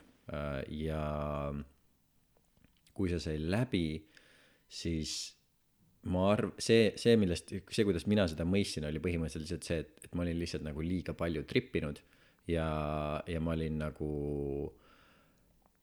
noh, et nii-öelda, et see asi, mis ma sain, ei olnud selle asja efekt, vaid see oli nagu kõrvalefekt, kui sa saad aru, mis ma mõtlen. Uh, nii, ja, ja ma mõtlesin, et see oli noh, põhimõtteliselt lihtsalt mingisugune anomaalia või mingisugune selline asi. Ja jätsin selle sinna paika, kuigi ma tihti nagu mõtlesin selle peale. Ja umbes täpselt vist kaks aastat ja kaks nädalat peale seda, kui see oli juhtunud, siis ma olin äh, Austraalias, olin oma autos ja ärkasin kell viis hommikul lihtsalt niimoodi üles, et ma lõin oma nagu pea vastu auto katust ära, sellepärast et ma lihtsalt sain nagu niimoodi nätaki, sain aru, miks mul see kogemus oli ja mida see tahtis mulle öelda ja ma panin selle kohe märkmikusse kirja, ma ütlen seda võib-olla natukene teiste sõnadega, aga selle asja point oli see, et ära otsi õnnetunnet asjades, mis saavad alati suuremad või väiksemad olla. Ja mida see okay. tähendab, on see, et sa ei leia mitte kunagi igavest õnne, rahu, heaolutunnet asjades, mida sul alati saab rohkem olla. raha, võim, autod, naised, noh, mis iganes asjad need on, sealt sa ei saa õnne, sealt sa saad, sa võid saada hetkelise rahulduse, sa võid saada nagu noh, mingisuguse asja, aga see ei ole see asi, mis sind õnnelikuks teeb, see ei ole see asi, mis tekitab sulle selle tunde, et mul on hea elu, mul on kõik hästi. Alati see asi, mis annab sulle selle tunde, et sa oled rahul, et elu on hea, on sellistes asjades, mis lihtsalt on. Ja üks sihuke asi, mis lihtsalt on, on rahu. sul ei ole see, et mul on, mul on nagu hästi palju rahu minu sees või natukene rahu minu sees, rahu on rahu, kui sul on rahu, siis sul lihtsalt on rahu, eks ole. Ja teised kõik sellised asjad, milles on nii-öelda nagu päris väärtus, mis on see asi, mis teeb elu, elamist väärt eluks, on sellised asjad, mis ei ole nii-öelda nagu, kus ei ole spektri, kus ei ole, see on suurem, see on väiksem ja nii edasi, vaid on lihtsalt need asjad, mis on. selline binaarne on ju, kas Mhm. ta on või ei ole, on ju. ja rahu ja õnn on vist nagu praktiliselt sama või? nagu või noh, kui on sinu sees rahu, siis on üsna raske, ma arvan, nagu õnnetu olla, sest siis ei ole ju rahu, on ju. Mm. pigem no mul- mina, minul on see, et ma, mina või mul, minu sees võib olla rahu, aga ma võin olla kurb samal ajal. okei okay., sest minu jaoks ma olen, see on hästi veider asi, ma olen saanud aru, et hästi paljude inimeste jaoks kurbus on negatiivne emotsioon, minu jaoks ei ole, minu jaoks, ma olen meesterahvas, kes nutab nagu päris, päris palju. ma nutan enda mõtete peale, ma nutan, kui ma nagu fotograafis kas tuuri kellelegi teen, ma nutan, kui ma räägin mingisugust asjast, mis mulle korda läheb. ja, ja kui me räägime näiteks inimeste kaotusest, inimeste valust, mingisugustest nii-öelda maailma nagu piinadest kui ma sellistest asjadest räägin, selliste asjade peale mõtlen, ma võin väga-väga kergesti nutma hakata, sellepärast et mul on kurbus, sellepärast et selline asi on olemas. aga minu arust see kurbus on lihtsalt elu nii-öelda üks väga-väga ilus osa, noh, mulle meeldib kurb tunne tegelikult, kui ma olen aus. nii et, et minu jaoks on see, et ma olen rahul ja ma olen samal ajal, võin olla samal ajal kurb. sest kurbus, mis minu jaoks kurbus tähendab, kuidas keegi seletas seda kõige paremini, on kurbus on see asi, mis tekib siis, kui asjad üksteisest eralduvad see on, see on, see on kurbuse nagu kõige siuksem materiaalsem definitsioon a la sul on suhe, suhe läheb katki, te eraldute üksteisest. kurbus, kurbus on see tunne, mida su keha tunneb asjade eraldumise peale. ühenduse kadu siis. ühenduse kadu täpselt, vanavanemad olid, surid ära, eks ole, seal ma ei tea, kool oli, lõppes ära, sõprus, noh, mis iganes see on, eks ole, see on yeah. eraldus, eraldatuse nagu kurbus on eraldatuse nii-öelda sümptom. aga rõõm on siis vastupidiselt ühendatus või? Vot see on jumala hea küsimus. et kui sind panna kokku naljaga, siis tekib rõõm. noh, et mi- mingid kahe, ütle mulle, mis on sinu jaoks, mida, kas sinu jaoks on erinevus, mida tähendab sinu jaoks rõõm, mida tähendab sinu jaoks õnn? äh, mina, jaa, mi-, mina oskan rõõmustada ka siis, kui ma näiteks parasjagu õnnelik ei ole, on ju. Et mõlemad on minu jaoks ajutised äh,. sellepärast ma õnne ei otsi, on ju, sest et seda ei ole lihtsalt võimalik leida. see nagu tuleb äh,. aga rõõmustada ma võin ka kõige suurema nagu muda sees kaelani olles äh,. see, aga, aga, aga miskipärast nagu õnnelikkus minu jaoks on siis nii-öelda, kui, kui nagu enamus kogemusest on positiivne, on ju. mitte nagu see, et ma suudan leida sealt selle rõõmsa hetke. aga ma, ma ei ole õnnest, õnnega väga palju nagu tegelenud või sellepärast nagu pead murdnud, et, et rahulolu on minu äh, äh, siis esimene soov nii-öelda. et kui ma olen rahul äh,, ma ei pea tingimata õnnelik olema, et minu jaoks see ei ole nii tähtis vist mm. -hmm. et sellest nagu mulle piisab. ma olen kuidagi vähemaga hakanud leppima ja mm -hmm. tunnen äh, rõõmu selle üle tegelikult, et ma ei aja seda õnne taga see päris oli kuradi ilus äh, kontseptsioonide burger, mis sa just kokku, kokku, kokku panid uh, sellepärast, et mina vist, ma ma üsna vist enam-vähem näen samamoodi, rõõm on, eks ole, lihtsalt emotsioon, samamoodi nagu yeah. see on see, midagi juhtus, eks ole, ma saan mingisuguse hea uudise, keegi tahab mulle mingi asja eest palju raha maksta, kellelgi sõbral juhtub midagi head, nagu eile just sõbranna sai mingi fantastilise tööpakkumise, eks ole, noh, aa, jumala rõõmus, eks ole. ja sina saad laenu tagasi. ja mina saan laenu lõpuks tagasi. see on niisugune nagu hetkeline, eks ole, niisugune nagu noh, mingi asja pursatus, eks ole. õnnelikkus on niisugusem pikaajalisem asi mis on ka vist noh, seesama asi, et kui enamused asjad peavad nii-öelda minema kuskile nagu positiivses suunas, aga selle õnnelikkuse jaoks, noh, ma ikkagi tunnen, et see rahu on ka seal all, nagu ja. see rahu on see kõige sügavam baas, siis õnnelikkus on see, mis saab olla nagu, see saab olla enamus ajast, aga see ei pea olema ja rõõm on siis need täitsa väiksed nagu purtsatused, purtsatused nagu see, mis need maitseained põhimõtteliselt nagu seal peal siis. just mm jah. jah ja mis, mis, kuskohast meil see jutt pihta hakkas? tahtsin kuskile liikuda sellega.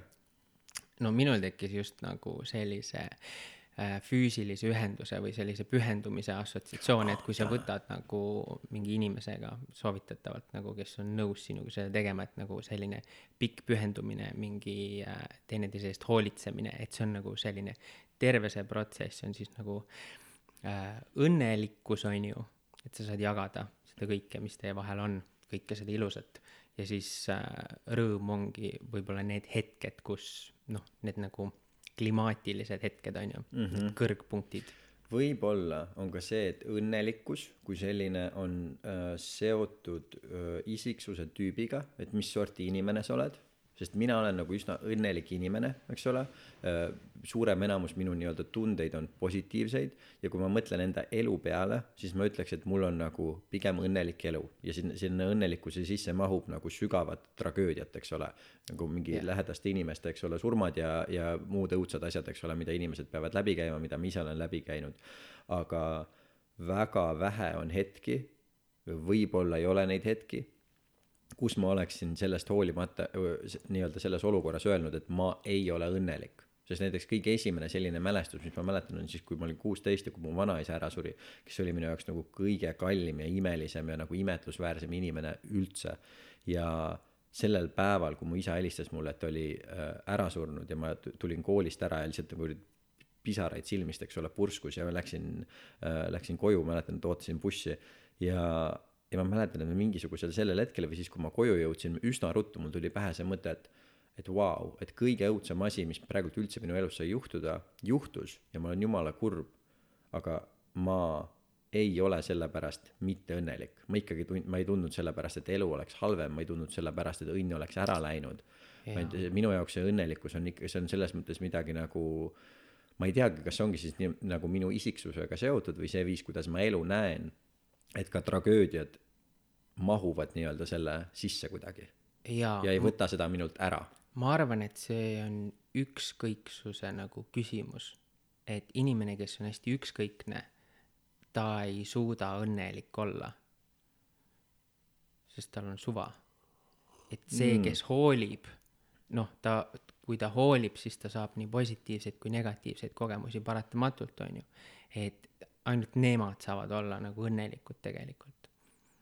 et need, kellel on pohhui, nad, nad ei saa ka õnnelikud olla, sest neil on pohhui, vaata. Nad, need, nad ei saa ligi sellele emotsioonile, sest nad blokeerivad nagu selle ära, et nad on seal neutraalses see on jumala hea point, eks ole, nad ei nuta, eks ole, kurbusest krokodillipisaraid, aga nad ei tunne seda õnne ka. Nad ei tunne ka rõõmu, on ju, sest et ja ükskõiksus nagu baseerub või noh, huvil, on ju, kui sind huvitab sinu ümbritsev maailm, äh, see, mis sinu sees toimub, et mida kõrgemat huvi sa tunned kõige vastu, seda õnnelikum inimene sa potentsiaalselt saad olla, samal ajal ka seda õnnetum sa saad olla, on ju. Mhm. et sa pead nagu valima enda selle spektri, et mis joone peal sa siis kõndida tahad.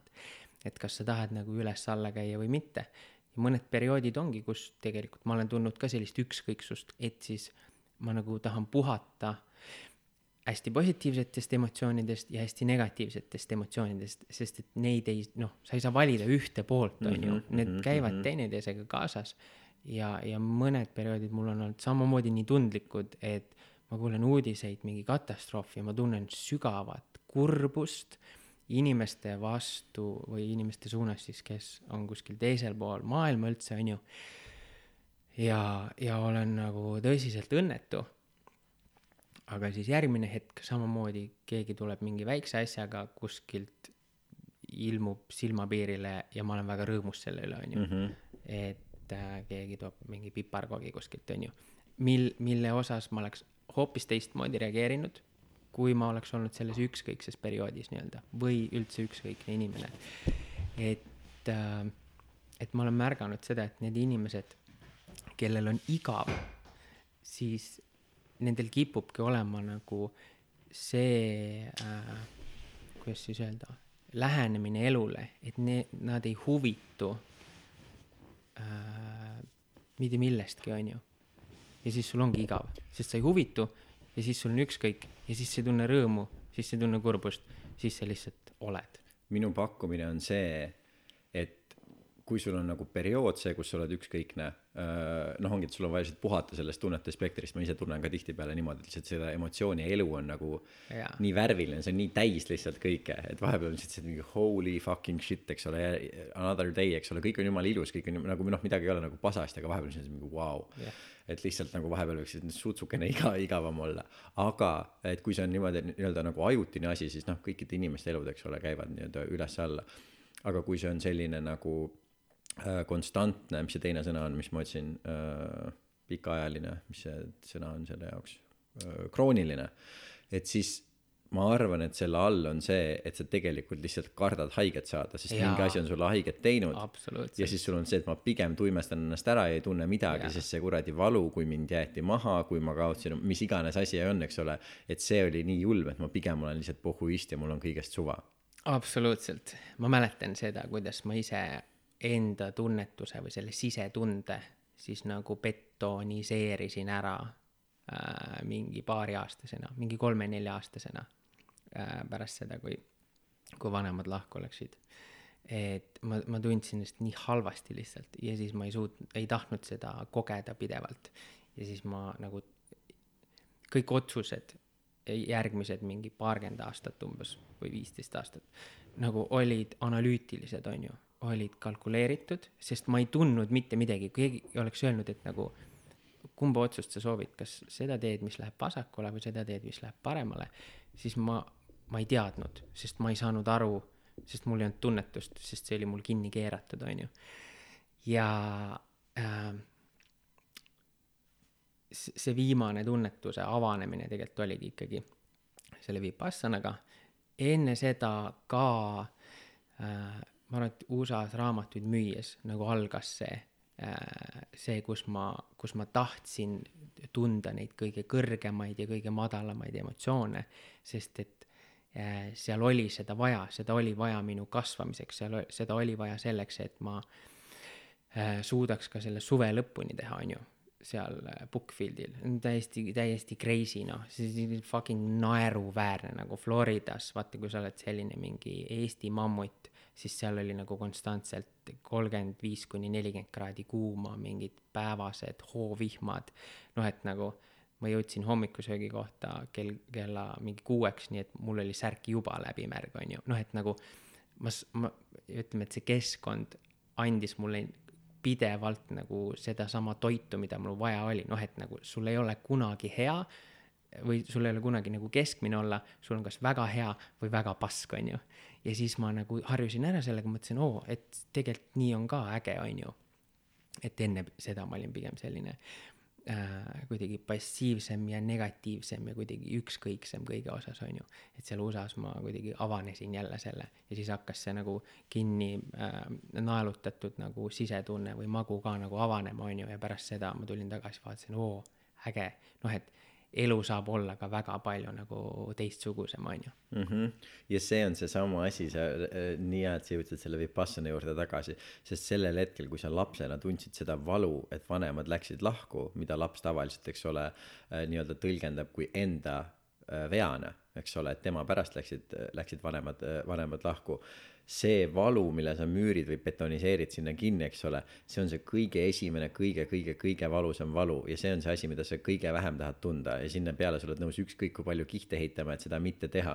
Ja see on see kui sul on see kuradi viies kuues seitsmes päev eks ole ja kui sinu keha sinu kehamälu teab isegi kui sa ise ei mäleta seda et nagu kui sa nüüd veel siin edasi istud ja kui sa ühelgi oma kuradi ihal ei lase ennast kaasa tõmmata, siis me läheme selle kõige esimese, kõige valusama valu juurde, kui sa olid fucking kolm ja su vanemad läksid lahku ja sa tundsid, et võib-olla, et see on sinu süü või sa tundsid ühesõnaga, et ma, mida iganes sa tundsid, eks ole. me lähme sedasama tunnet uuesti tundma. ma tundsin, et mind ei ole kellelegi vaja mm. -hmm, mm -hmm. no kõige fucking vastikum hirmsam tunne, mida laps saab tunda, minul oli nagu sarnane, aga natuke, natukene teistsugune, aga põhimõtteliselt nagu sama kogemus, ma, lihtsalt tundsin, et ma olen nagu hüljatud.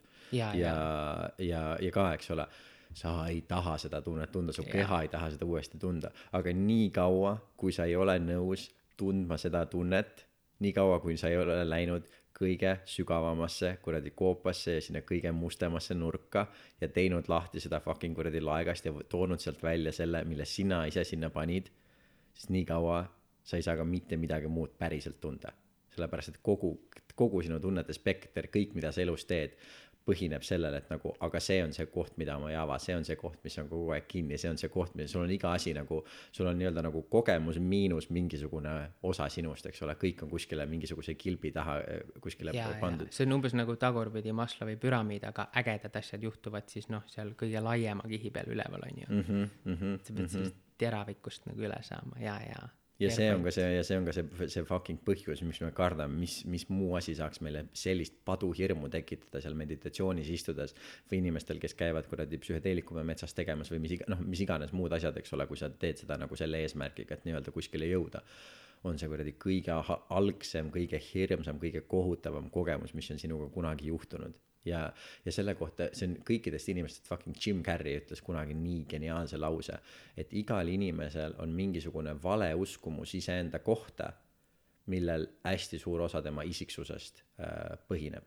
aa, davai. nii, ja, ja teine idee on see äh,, Michael Singer kirjutas sellise raamatu nagu The Untethered Soul fucking imeline raamat ja seal tema toob selle näite, et äh, on need äh, okkad või mingisugune tera mille keegi on sinu sisse visanud või mis on kuidagi sinu kehasse läinud ja äh, sellel hetkel, kui see sinna läheb, eks ole, sinna kasvab sul mingisugune asi, asi peale või sa paned sinna plaastri peale ja, aga kuna see teeb ikka valu, siis sa lihtsalt katad seda aina rohkemate ja rohkemate ja rohkemate kihtidena. ja see asi, mida sa kõige rohkem kardad, on see, et keegi liigutab seda nagu mingisugust kuradi oga või tera, mis sinu sisse läinud on, sest sa mäletad seda, kui valus see oli. aga see, mida me teeme, on see, et me lihtsalt katame selle nagu nii palju kinni kuradi võtame valuvaigistid, mis iganes, sest me ei taha seda tunnet uuesti tunda. ja siis see, kui sa lähed ka sinna meditatsiooni või kui sa suudad oma südant nii-öelda avatuna hoida, siis on see, et sa sa järjest tõmbad neid kihte sealt pealt ära ja mida rohkem kihte sa pealt ära tõmbad, siis sa juba varsti, vaikselt hakkab värisema, siis on see, kus see hirm sulle kõhu sisse tuleb, nagu mingi holy fucking shit, kas ma varsti pean uuesti seda hirmutunnet yeah. tundma. aga see asi, mis meil on vaja teha, on see kuradi oga sealt seest välja võtta ja elada ilma, ilma nende kuradi kihtideta, ilma selle pasata ja enne kui me seda ei tee, siis nagu sa võid noh, ükskõik mida teha, ükskõik kui palju raha teenida, ükskõik kui palju kuradi naisi panna või nagu ükskõik kui palju panna. või mehi panna, kasvõi isegi, kui sul nii hästi läheb kui sa, kui sul, kui sul tõesti veab. Sa võid seda kõike teha, aga nagu sa ei saa sellest millestki seda lõplikku täielikku naudingut ja sinus ei ole seda nagu elus olemise rahu ja õnne. sellepärast, et sul on sees kogu aeg lihtsalt see mingisugune asi, mis sa nagu sa tead, et oh fuck raisk. okei okay,, aga Aleksander, kust sa tead, et see oli nüüd see viimane oga? kui sa selleni jõuad. seda ma arvan, et aga sa ei, sa ei teagi seda või nagu selles mõttes, et ja seda sa ei peagi teadma, sellepärast et see ei ole ju see ei ole ju oluline selles mõttes, et, et kui, kui hiljem tuleb välja, et on mingisugune oga veel, siis nagu. siis sa tegeled siis, kui see nagu ilmneb. täpselt, eks ole, et minu noh, et siukseid inimesi minu arust on ka palju, eks ole, et kui sa sellele mingisugusele nii-öelda enesearendusteele lähed, siis kuna sa saad sellest ka mingisuguse kaifi, et sa enda mingi probleemi ära lahendad, siis inimesed võivad sellesse ka kinni jääda, et oi, et ma pean veel selle ära lahendama ja, ja selle ja, ära ja. lahendama ja selle ära lahendama ja ja nende jaoks on igast huvitavaid äh, sõnu ja fraase olemas selliste inimeste jaoks, kes siukseid asju teevad. kuradi hipid ei, nagu hipisid on igasugust sorti, aga noh, nagu mingid bliss junkid või äh, ja, nagu noh, sellised, äh, sellised inimesed. et, et me võime igavesti leida neid asju, mis, mis nagu, mida enda juures parandada ja arendada ja nii edasi, nii edasi, nii edasi, aga minu arust on see, et, et see viis, kuidas sa tead, et midagi on vaja parandada, arendada, lahendada, on see, et elu näitab sulle. see on jällegi üks asi, mis sul seal äh, raamatus oli, mis mulle nii hullult meeldis ja mis mina enda elus olen lihtsalt no nii korralikult lihtsalt kuradi vastu hambaid saanud, on seesama asi, et kui kui su elus kerkivad pidevalt mingisugused samad olukorrad, kui pidevalt on mingi samasugune probleem, kui pidevalt on samad errorid suhetes, kui pidevalt on vanematega sama probleem, mis iganes asi see on, eks ole. elu kogu aeg annab sulle märku, tegele sellega, tegele sellega, tegele sellega, tegele sellega. ja me saame, mida kauem me seda nagu nii-öelda märguannet eirame, siis seda tugevamalt see nagu tu- tuleb ja hakkab meid littima ja ja selle enesearenduse asjaga on ka see, et kui mingi asi tekitab su elus kogu aeg sulle, eks ole, probleemi, issue't, loomulikult see on asi, millega sa peaksid tegelema. aga kui su elu on nii-öelda nagu mingisuguses voolavuses ja sa liigud sinna suunas, kuhu sa tahad liikuda ja seal ei ole lihtsalt mingisuguseid massiivseid, massiivseid nagu ületamatuid takistusi, siis see ei ole see koht, et nagu mingi, aa, et ma ei taha praegult oma nii-öelda eluga tegeleda, et ma pigem nagu lähen nii-öelda nagu sukeldun sinna sisemaailma ja rändan mingitel teistel planeetidel ja otsin mingisuguseid esivanemate nagu saladusi taga. sest see on ka mingil määral nagu põgenemine, praeguses maa-, maailmas on ka see, et meil on nii palju sitta on käimas ja toimumas ja hästi paljud inimesed, kes on võimekad, kes on võimelised kuidagi panustama sellesse, et asjad läheksid paremaks, kuna sa saad aru, kui ebameeldiv ja kui raske see on, siis sul on pigem see, et ma pigem lähen kuradi mediteerin metsas, ma pigem lähen mingile retriidile, ma pigem lähen nagu nii-öelda saan tugevamaks ja paremaks inimeseks, tegelikult on see, et türa mees, sa tead, mis sa pead tegema. sa tead, mis sa tegema pead, eks ole, sa oled nagu, sa oled piisavalt terve, sa oled piisavalt tugev, sul on praegult aeg nagu noh, metafoorilises mõttes nagu mingi püss kätte võtta ja nagu mingi tulistama minna, eks ole. et Jah. et see ei, et see ei ole see koht, kus oma nii-öelda nagu äh, haavu lakkuda. aga see on jällegi, see on nii tempting, kuna me saame ka sellest mingisuguse selle nagu positiivse nagu tunde, eks ole, kui me midagi endast paraneme, midagi avastame, nii edasi, nii edasi, nii edasi, nii edasi. aga mingitel hetkedel see on lihtsalt nagu saab meile endale kahjulikuks juba. absoluutselt ja sellepärast ma ei ole ka lolliks läinud selle enesearenguga ja ma kunagi ei räägi seda, et mul on vaja veel nüüd midagi, mida ma isegi ei tea, mida mul vaja on, on ju, justkui ma tunnen, et ma ei ole veel piisav, sest et äh, üks asi on see, et sa liigud teistest nii palju kaugemale, kui sa ainult sellega tegeled, on ju, ja sa kaotad ära nagu sellise inimliku ühenduse äh, teiste inimestega, selle ühiskonnaga, kus sa tegelikult nagu elad, tahad elada, tahad äh, tarbida neid tooteid, teenuseid, seda abi saada ja kõiki neid nii-öelda siis eh, elu luksusi nautida, mida sa ise ei soovi nagu luua, on ju. et, et sellepärast tasub nagu mõõdukalt nagu võtta seda enesearengut, on ju. ja, ja ma olen täpselt see vend, kes lihtsalt nagu teeb neid asju siis, kui ma tunnen, et teistmoodi enam edasi ei saa, on ju. et minu jaoks on natuke mõttetu nüüd võtta endale see eesmärk, et minu äh, kindel plaan on valgustuda, on ju, mida tegelikult Vipassana ütleb väga selgelt, et Vipassana lõppeesmärk on valgustumine ja see kümnepäevane laager on justkui nagu sentimeeter nagu Tallinnast Moskvasse on ju, mis on tuhat kilomeetrit, aga ta seda on, ehk siis see tegelikult on esimene samm, on ju. ma tean äh, seal inimesi, kes on käinud aastakümneid ja ma ei ütleks, et meil nii väga suurt erinevust on käitumisel, on ju, et nemad ei ole peaaegu valgustunud, et nemad on lihtsalt võib-olla veel empaatilisemad, veel meeldivamad, veel pehmemad, veel toredamad inimesed, on ju. ma tean, et seda on raske uskuda, aga äh,, aga äh, aga nad ei tee seda sellepärast, et valgustuda, vaid lihtsalt nad tarbivad seda enesearengut täpselt nii palju, kui neil vaja on, kui neil tuleb see probleem, kas elukaaslasega, lastega, mingid olukorrad, mida nad ei suuda ise lahendada, siis nad, see on nagu ravimite võtmine, on ju, sa ei söö paratsetamooli, et äkki ma jään haigeks, vaid siis, kui sul ikkagi on palavik ja no sul just on vaja täpselt, nagu täpselt see, et ma ei tunne otseselt mingit valu, aga Jaa. samas enne kui ma ei ole paratsetamooli võtnud, äkki, äkki kuskilt valutas ja ma ei saanud aru Jaa. lihtsalt, noh, see on, eks ole, see lähenemine. aga see ongi nii huvitav, sest neid, neid asju on nii äh, palju, minu jaoks ka esimesed asjad minu elus, mis nagu selle nagu tee nii-öelda kätte andsid, olid psühhedeelikumid, aga on pärast seda head. see on fantastilised, eks Super. ole, nendele inimestele, kellele Love sobivad, sobivad suurepäraselt. aga pärast seda nagu mul on nagu tekkinud nagu teisi asju sarnaseid, mis ma mis ma teen, sa mainisid seda, et sa lähed paariks päevaks oma maakodusse, eks ole, ja ei tarbi yeah. informatsiooni.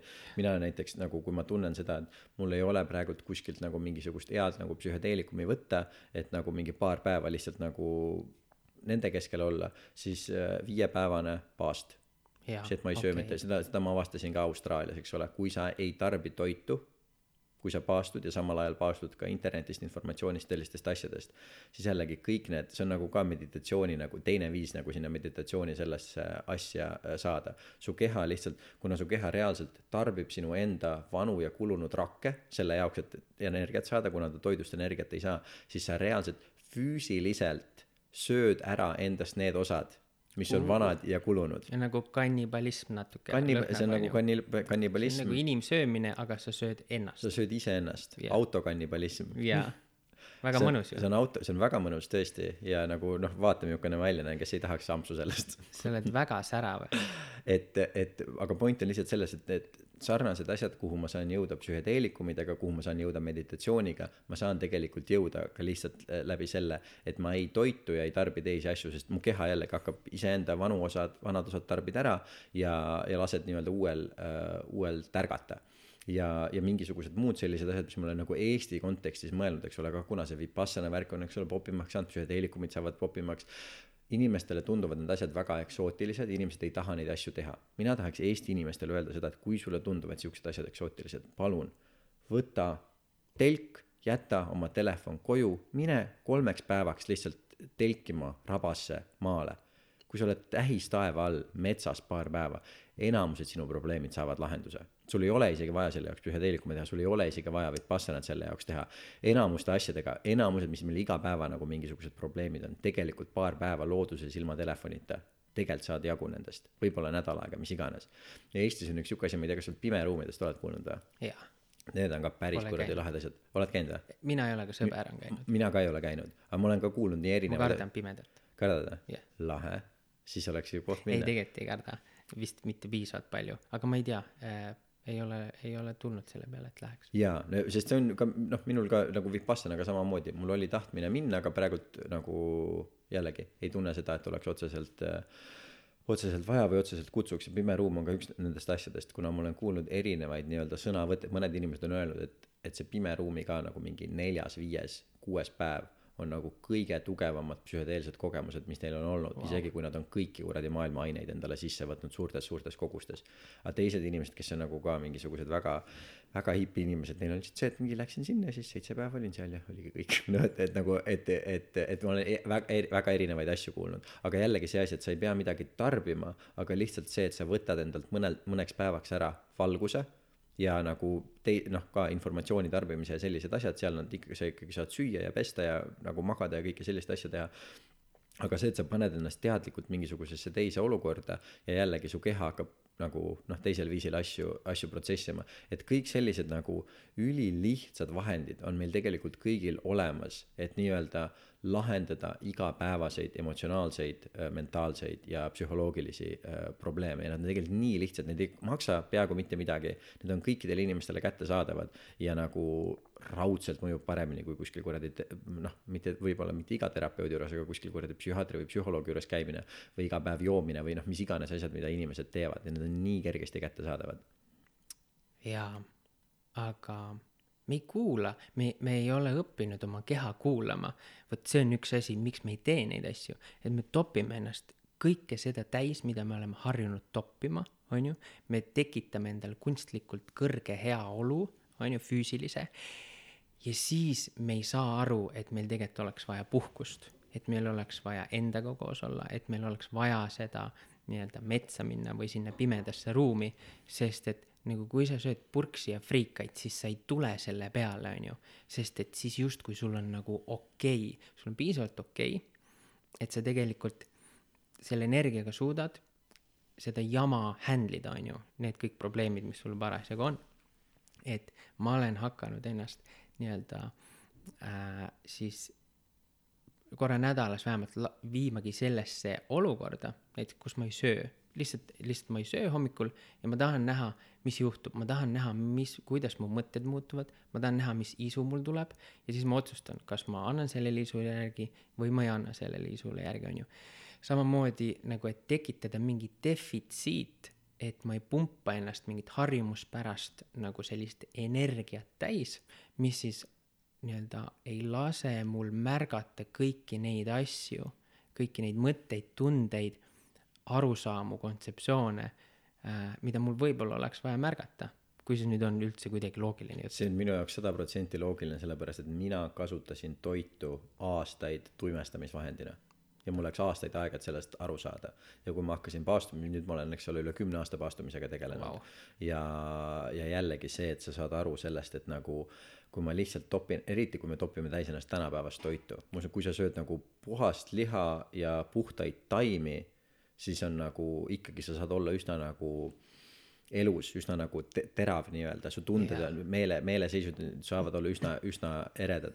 aga inimesed, kes ei ole mitu päeva olnud ilma äh, toiduta järjest ei ole õrna aimu ka, kui hüpersensitiivseks sa muutud, su pilk muutub teravaks, sa tunned tervet oma keha, sa oled nagu, su elu nagu tase keerab nagu mingi saja neljakümne protsendi peale, kõik on, kõik on rohkem, sa, su tajud on nii ere-, sa tunned kuradi toidulõhna kilomeetrite kauguselt, sa lähed nagu sellesse ürgsesse inimese režiimi, kelle, kes on see, et ma olen metsas ja ma tahan süüa, aga see ei ole halb tunne, see ei ole see tunne, et mul on nüüd kõht tühi ja ma pean midagi sööma, sest ma muutun noh, hangry, eks ole, et sa muutud kuradi yeah.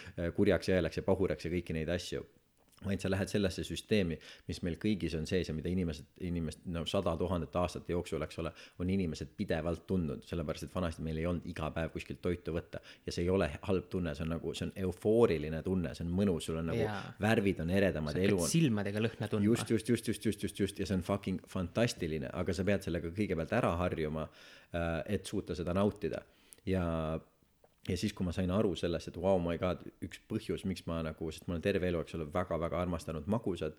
Ja siiamaani mul on see, et nagu mul on perioodid, kus ma toitun väga korralikult, kus ma korralikult paastun ja kõiki neid asju, aga siis noh, näiteks nüüd jõuluaeg, eks ole, hakkasin ma eelmisest nädalast on see, et, et mul on vaja vahepeal neid perioode, kus ma lihtsalt tarbin nagu täielikku paska ja mulle meeldib, see annab mu nagu vaimule mingisugust uut energiat, ma saan, ma saan teha kuradi, just, just, just, just, just, eks ole, et ma ei pea nagu mingit asja nii-öelda kontrollima, vaid ma lihtsalt lasen sellel, lasen sellel minna.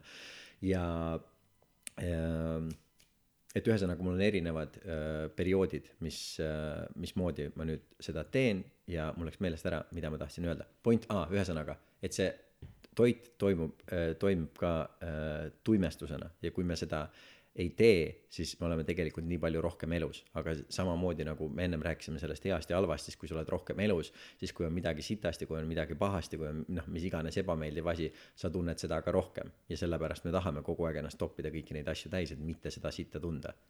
Ja mis jõuab tegelikult sinna tagasi, et kui sa tekitad defi-, defitsiidi, siis su huvi kasvab ehk siis sa tunnetad ja tajud rohkem reaalsust, ehk siis sa saad olla rõõmsam tegelikult, on ju, et nagu kõik need asjad jõuavad lõpuks sinna. ja nagu toidu nautimine minu jaoks lihtsalt see, et kui ma ei söö paar päeva ja siis sa sööd seda toitu nagu minul on see, et nüüd, kuna ma olen nii kaua aega paastumisega tegelenud, siis ma ei saa enam niimoodi olla, et ma mitte üldse ei paastu. noh, ma tegelikult, ma nagunii söön iga päev, eks ole, kas ühe või kaks korda ja ma hommikuti, hommikust ei söö peaaegu mitte kunagi, välja arvatud eile äh, aga.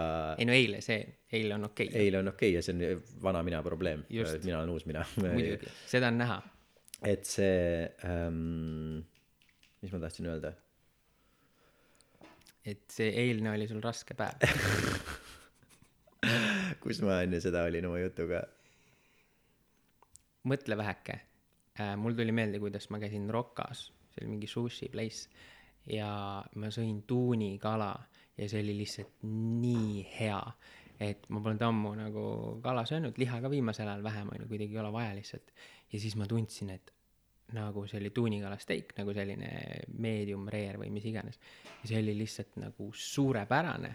varasemalt, kui ma ei tekitanud endas meelega neid defitsiite, mul oleks olnud selline tunne, et nagu mul pohhu ja ma söön nagu kalapulki, vaata. vot, see, see on see asi, mis ma tahtsin öelda, et kui ma nüüd üldse, aitäh sulle tõesti, suur tänu, Veiko, you are the best, Veiko Santo äh,.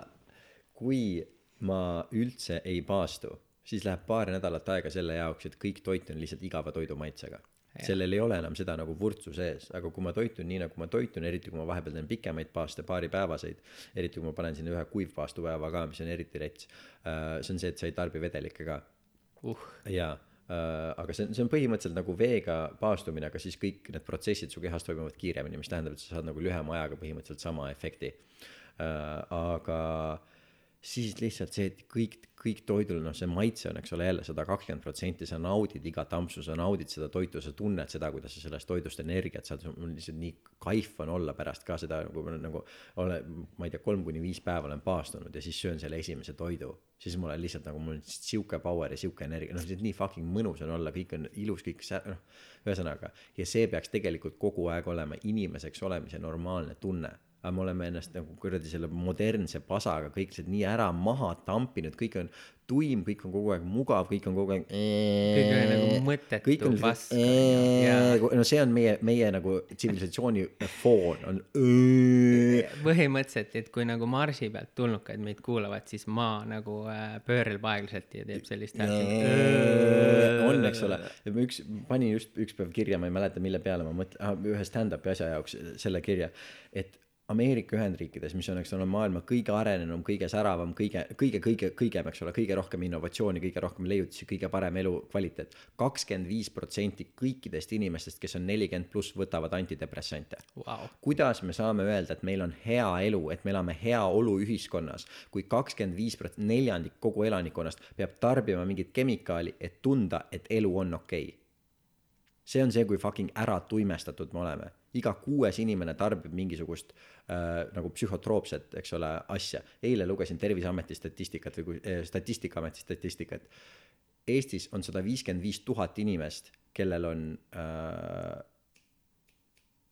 mingi nii-öelda mingisugune vaim, ma ei mäleta, kas see oli puue või vaimne häire või mingisugune siukene asi. jaa, ja mul lihtsalt, mida vittu, rohkem kui kümnendik kõikidest Jaa. inimestest või? Et mis heaolu ühiskonnast me räägime, kui nagu kogu aeg me me oleme üsna nagu häiritud ühiskonnas just, eks ole, me oleme tegelikult nii kuradi häiritud, meil on mingisugune nagu pask on kogu aeg käimas, sest inimesed peaks olema kuradi terved, tugevad, õnnelikud, nagu Wim Hof ütleb seda, et nagu inimene, see inimene, kes peab, eks ole, tegelema ellujäämisega, kes peab kuradi metsast äh, küttima, eks ole, ja kuradi lõket tegema iga päev, et elus püsida, tal ei ole aega selleks, et olla masenduses, masendus on nagu täiesti tänase päeva äh, probleem. Jaa. sest päris inimesel, sul ei ole aega selleks, sa oled elus, sa tunned lihtsalt seda fuck raisk, kuradi suudan läbi kuradi trammi joosta, kui vaja on, eks Jaa. ole. ja, ja meil, meilt on lihtsalt see kõik ära võetud, sest kõik on nii mugav, kõik on nii blöö, kõik on nii öö. me ujume nagu suure sellise ja mingi meepoti sees lihtsalt. saamata ise aru, et äh, see ei ole meile väga hea. ja see on, see on, see on väga crazy. aga kuidagi nagu on juhtunud, et järjest rohkem nagu sõpru-tuttavaid nagu kuidagi ka aduvad seda, onju. ja, ja kuidagi taipavad nagu teistmoodi käituda ja taipavad nagu küsida, et kas tegelikult nagu see nii-öelda need luksused ja mugavused, mida ma endale pakun, et kas see on nagu see kõige parem nagu. ja ma arvan, et see põhjus on selles, et me oleme jõudnud selle pendli lõppu. Me käisime, me tegime selle tonksu ära, kus me oli nagu see, et nagu kui palju rohkem veel saab nagu, kuigi ma, ma tunnen, et mingi, mingites aspektides see asi ikka suundub sinnapoole, aga nagu, aga see on nagu mingi nii-öelda kriitiline piir on ületatud, et aina rohkem inimesi, kellel on see, et nagu see tee edasi on tagasi. Kõik innovatsioon, mis meil on viimase nagu mingi viie kuni kümne aasta jooksul juhtunud, on ainult seotud nii-öelda nagu ürgsuse juurde tagasi minemisega. davai, nojah, et see tühi tonksutamine hakkab nagu, isu hakkab täis saama, onju. no see, et nagu mingi toit, eks ole, kuradi paleotoitumine ja päris toitumine, mitte see, et mõtleme välja mingi tableti, mida sa võtad, eks ju. no et see on kõik need nii-öelda ja ka külmas, külmas käimine, eks Jaa. ole, eks ole, kõik siuksed asjad, eks ole, mis on nii-öelda innovatsioon, on seotud mingite asjadega, mida inimesed on tegelikult alati teinud ja kust me oleme ainult, ainult nagu kaugenenud. väga huvitav, ma pole isegi mõelnud selle peale niimoodi.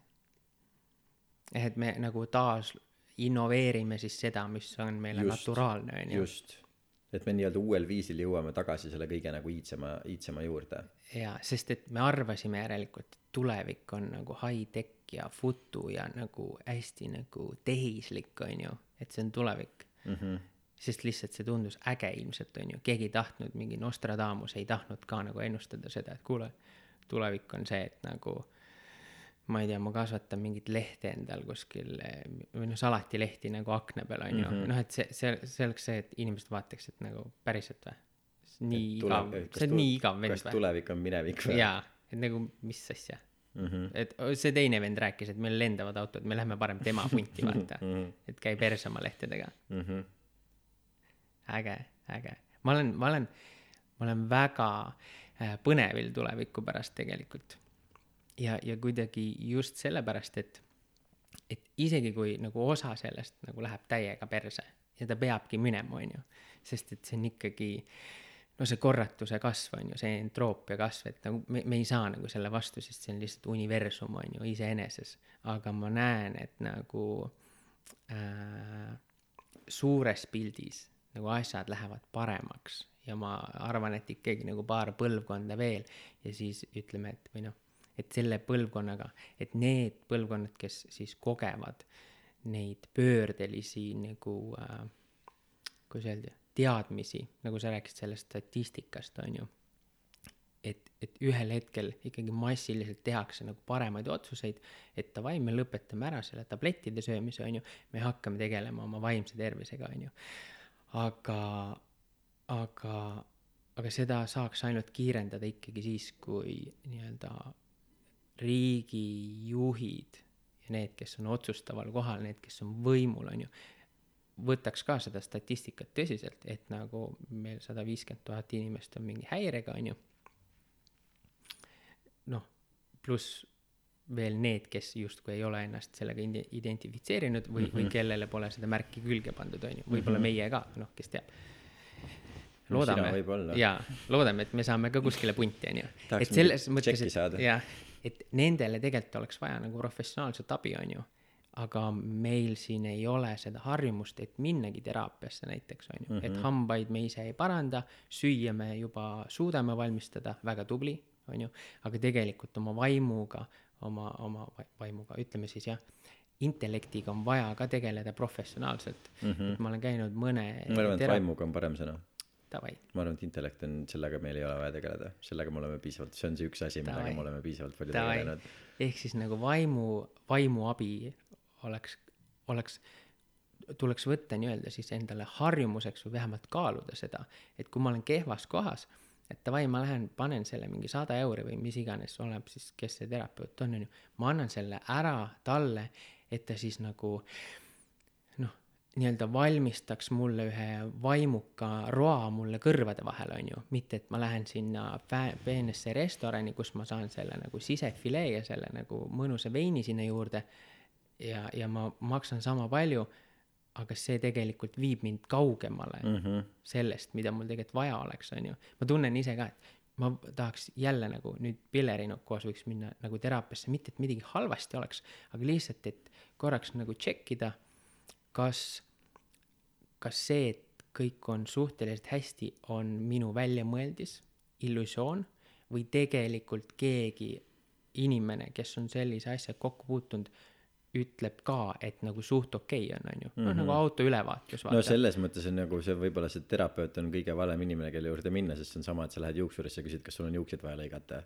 Et nagu see, see terapeut on kohe see, et kui nagu jääge kaheks aastaks siia minu juurde. ei, ei, ei, ta, ta on teistsugune, ta on hästi omakasupüüdmatu, ta on täiega tore nagu no siis on hästi. Jaa, ta ei ole, ta ei ole üldse, ta ei ole selline akadeemiline terapeut mingi valge kitliga, onju mm. -hmm. tal on mingi privavärk, on eraldi hoone selle jaoks, diskres, kõik on, see on justkui nagu sa lähed nagu, nagu sellise nutika vanaema juurde, onju mm. -hmm. aga seal on siis see, see nagu loogiline, et sa toetad tema nagu nii-öelda elu ja arengut ja püüdlusi ka, onju et minu jaoks need, need eurod on olnud siiamaani nagu kõige suurema nagu äh, nii-öelda return on investment'iga on ju, mis ma olen tegelikult pannud teraapiasse, ma olen jumala vähe käinud, ma olen mingi kolm-neli korda ainult käinud äh, viimase siis mingi kümnekonna aasta jooksul või.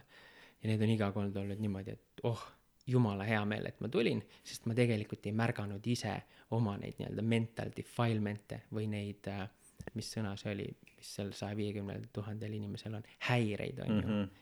mis tegelikult nagu võib-olla ühel hetkel kasvaks nagu üle pea ja muudaks mind tegelikult mingid õnnetumaks, mul mustrid mustrid lihtsalt, mis on nii sisse kasvanud, mida ise enam ei pane tähele, eks ole. Sul oli nii mitut huvitavat asja mainisid, mis ma tahtsin saba sõnast kinni võtta, võib-olla mõned läksid meelest ära. üks asi oli see, et me rääkisime vaimuprobleemidest, vaimuhaigla, mida see tähendab? me paneme inimese vaimu siia, me paneme siia, eks ole, vaimu paneme siia kinni, me paneme nagu, peame ta vaimu justkui ravima, aga me ei tegele sellega, me tegelikult nagu, me teeme midagi, me teeme midagi muud, me nagu mis me teeme, me siis nagu suleme selle vaimu mingisuguse asja sisse, asja sisse kinni või nagu ühesõnaga whatever. Jaa. tähtsam asi, mis ma tahtsin öelda, on see, et see ühiskondlik asi, millest sa rääkisid, eks ole, et millest äh, nagu alati poliitikud peaks midagi ka tegema, et, äh, et me kuskile sellega jõuaksime. siis see, mis ma arvan, et see, mis meie ühiskonnas nagu laiemalt, eks ole, praegult toimub ja see, et sa ütlesid, sa oled tuleviku osas väga põnevil.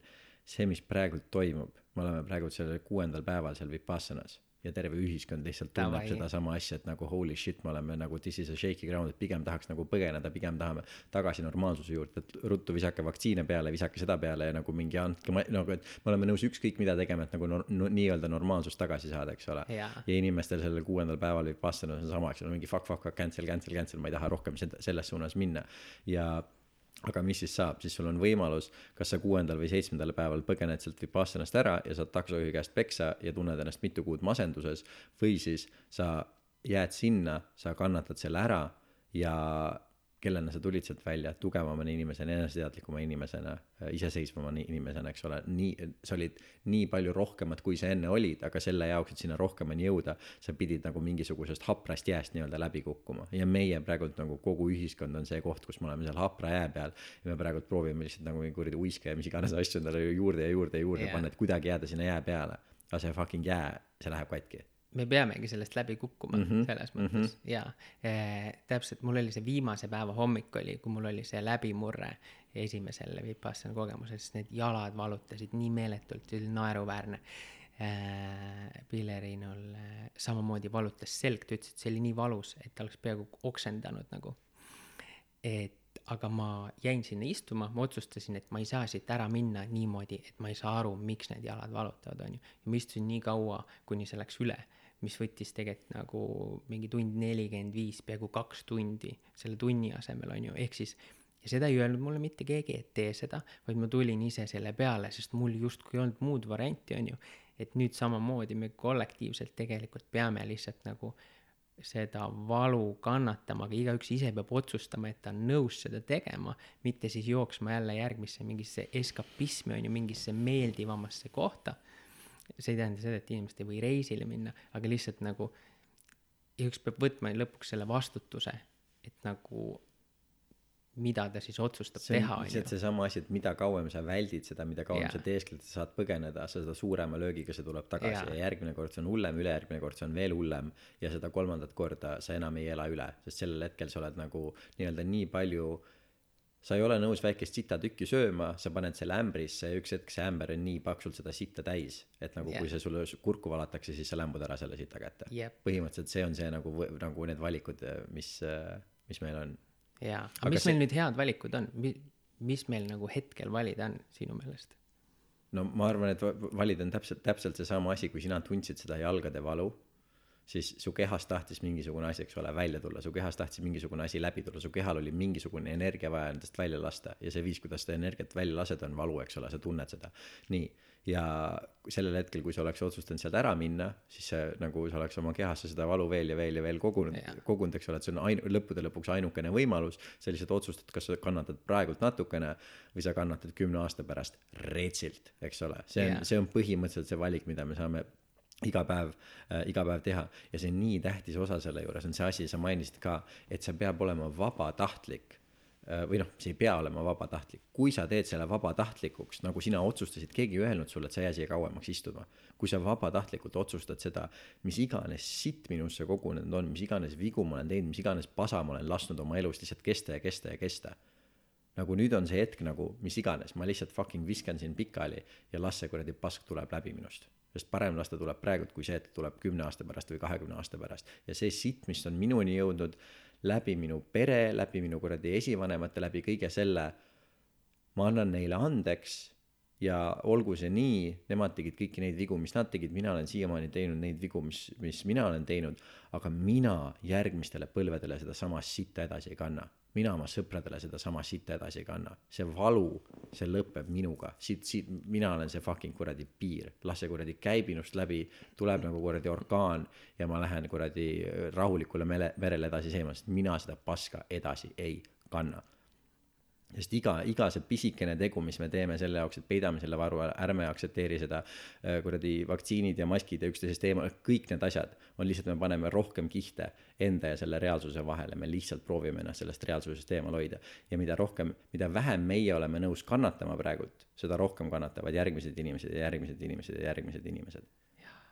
see on hea otsus, mulle meeldib see.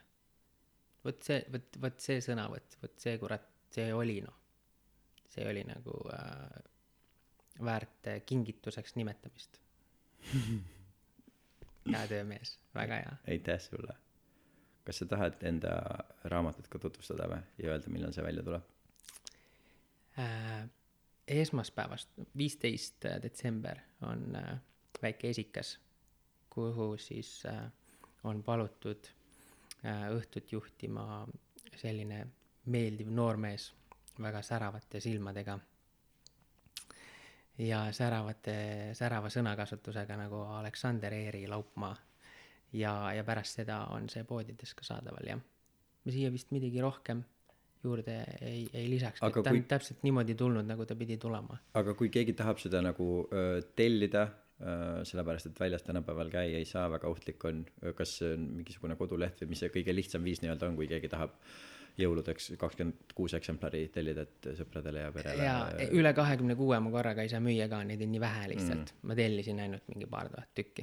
aga üks hästi tobeda, tobe domeen on, sest et ma lihtsalt nagu tegin selle lihtsalt ja odavalt, ehk siis tasuta, on kingitus.mailchimpsites.com see on MailChimpi selline enda nagu domeen, kuhu sa saad teha, et läbi selle ka ja seal on need makselingid Äh, ja lisainfosse saab panna, kes tahab, et ma kirjutaks talle sisse midagi ebameeldivat. vastavalt sellele, kui halb mul tuju on. et äh, sealt saab ka tellida otse siis minu käest ja, et raamatupoest ta tuleb nagu nõksa kallim, sest et raamatupoed äh,, neile meeldib raha teenida. Nad armastavad raha, et seal on iga asja eest äh,, ladustamise eest maksad äh, ja, ja seal, seal oli pikk nimekiri kõikide asjadest, millest sa maksad et äh, raamatupoest tuleb vist mingi üheksateist üheksakümmend või, ja siis äh, minu käest otsa saab viieteist euroga. mis on nagu arvestades seda, et äh, aasta aega sai siia sisse pandud ja, ja täitsa ilus kaanepilt on ka, et nagu. kas mingisugune Urve Palo soodustus on ka või?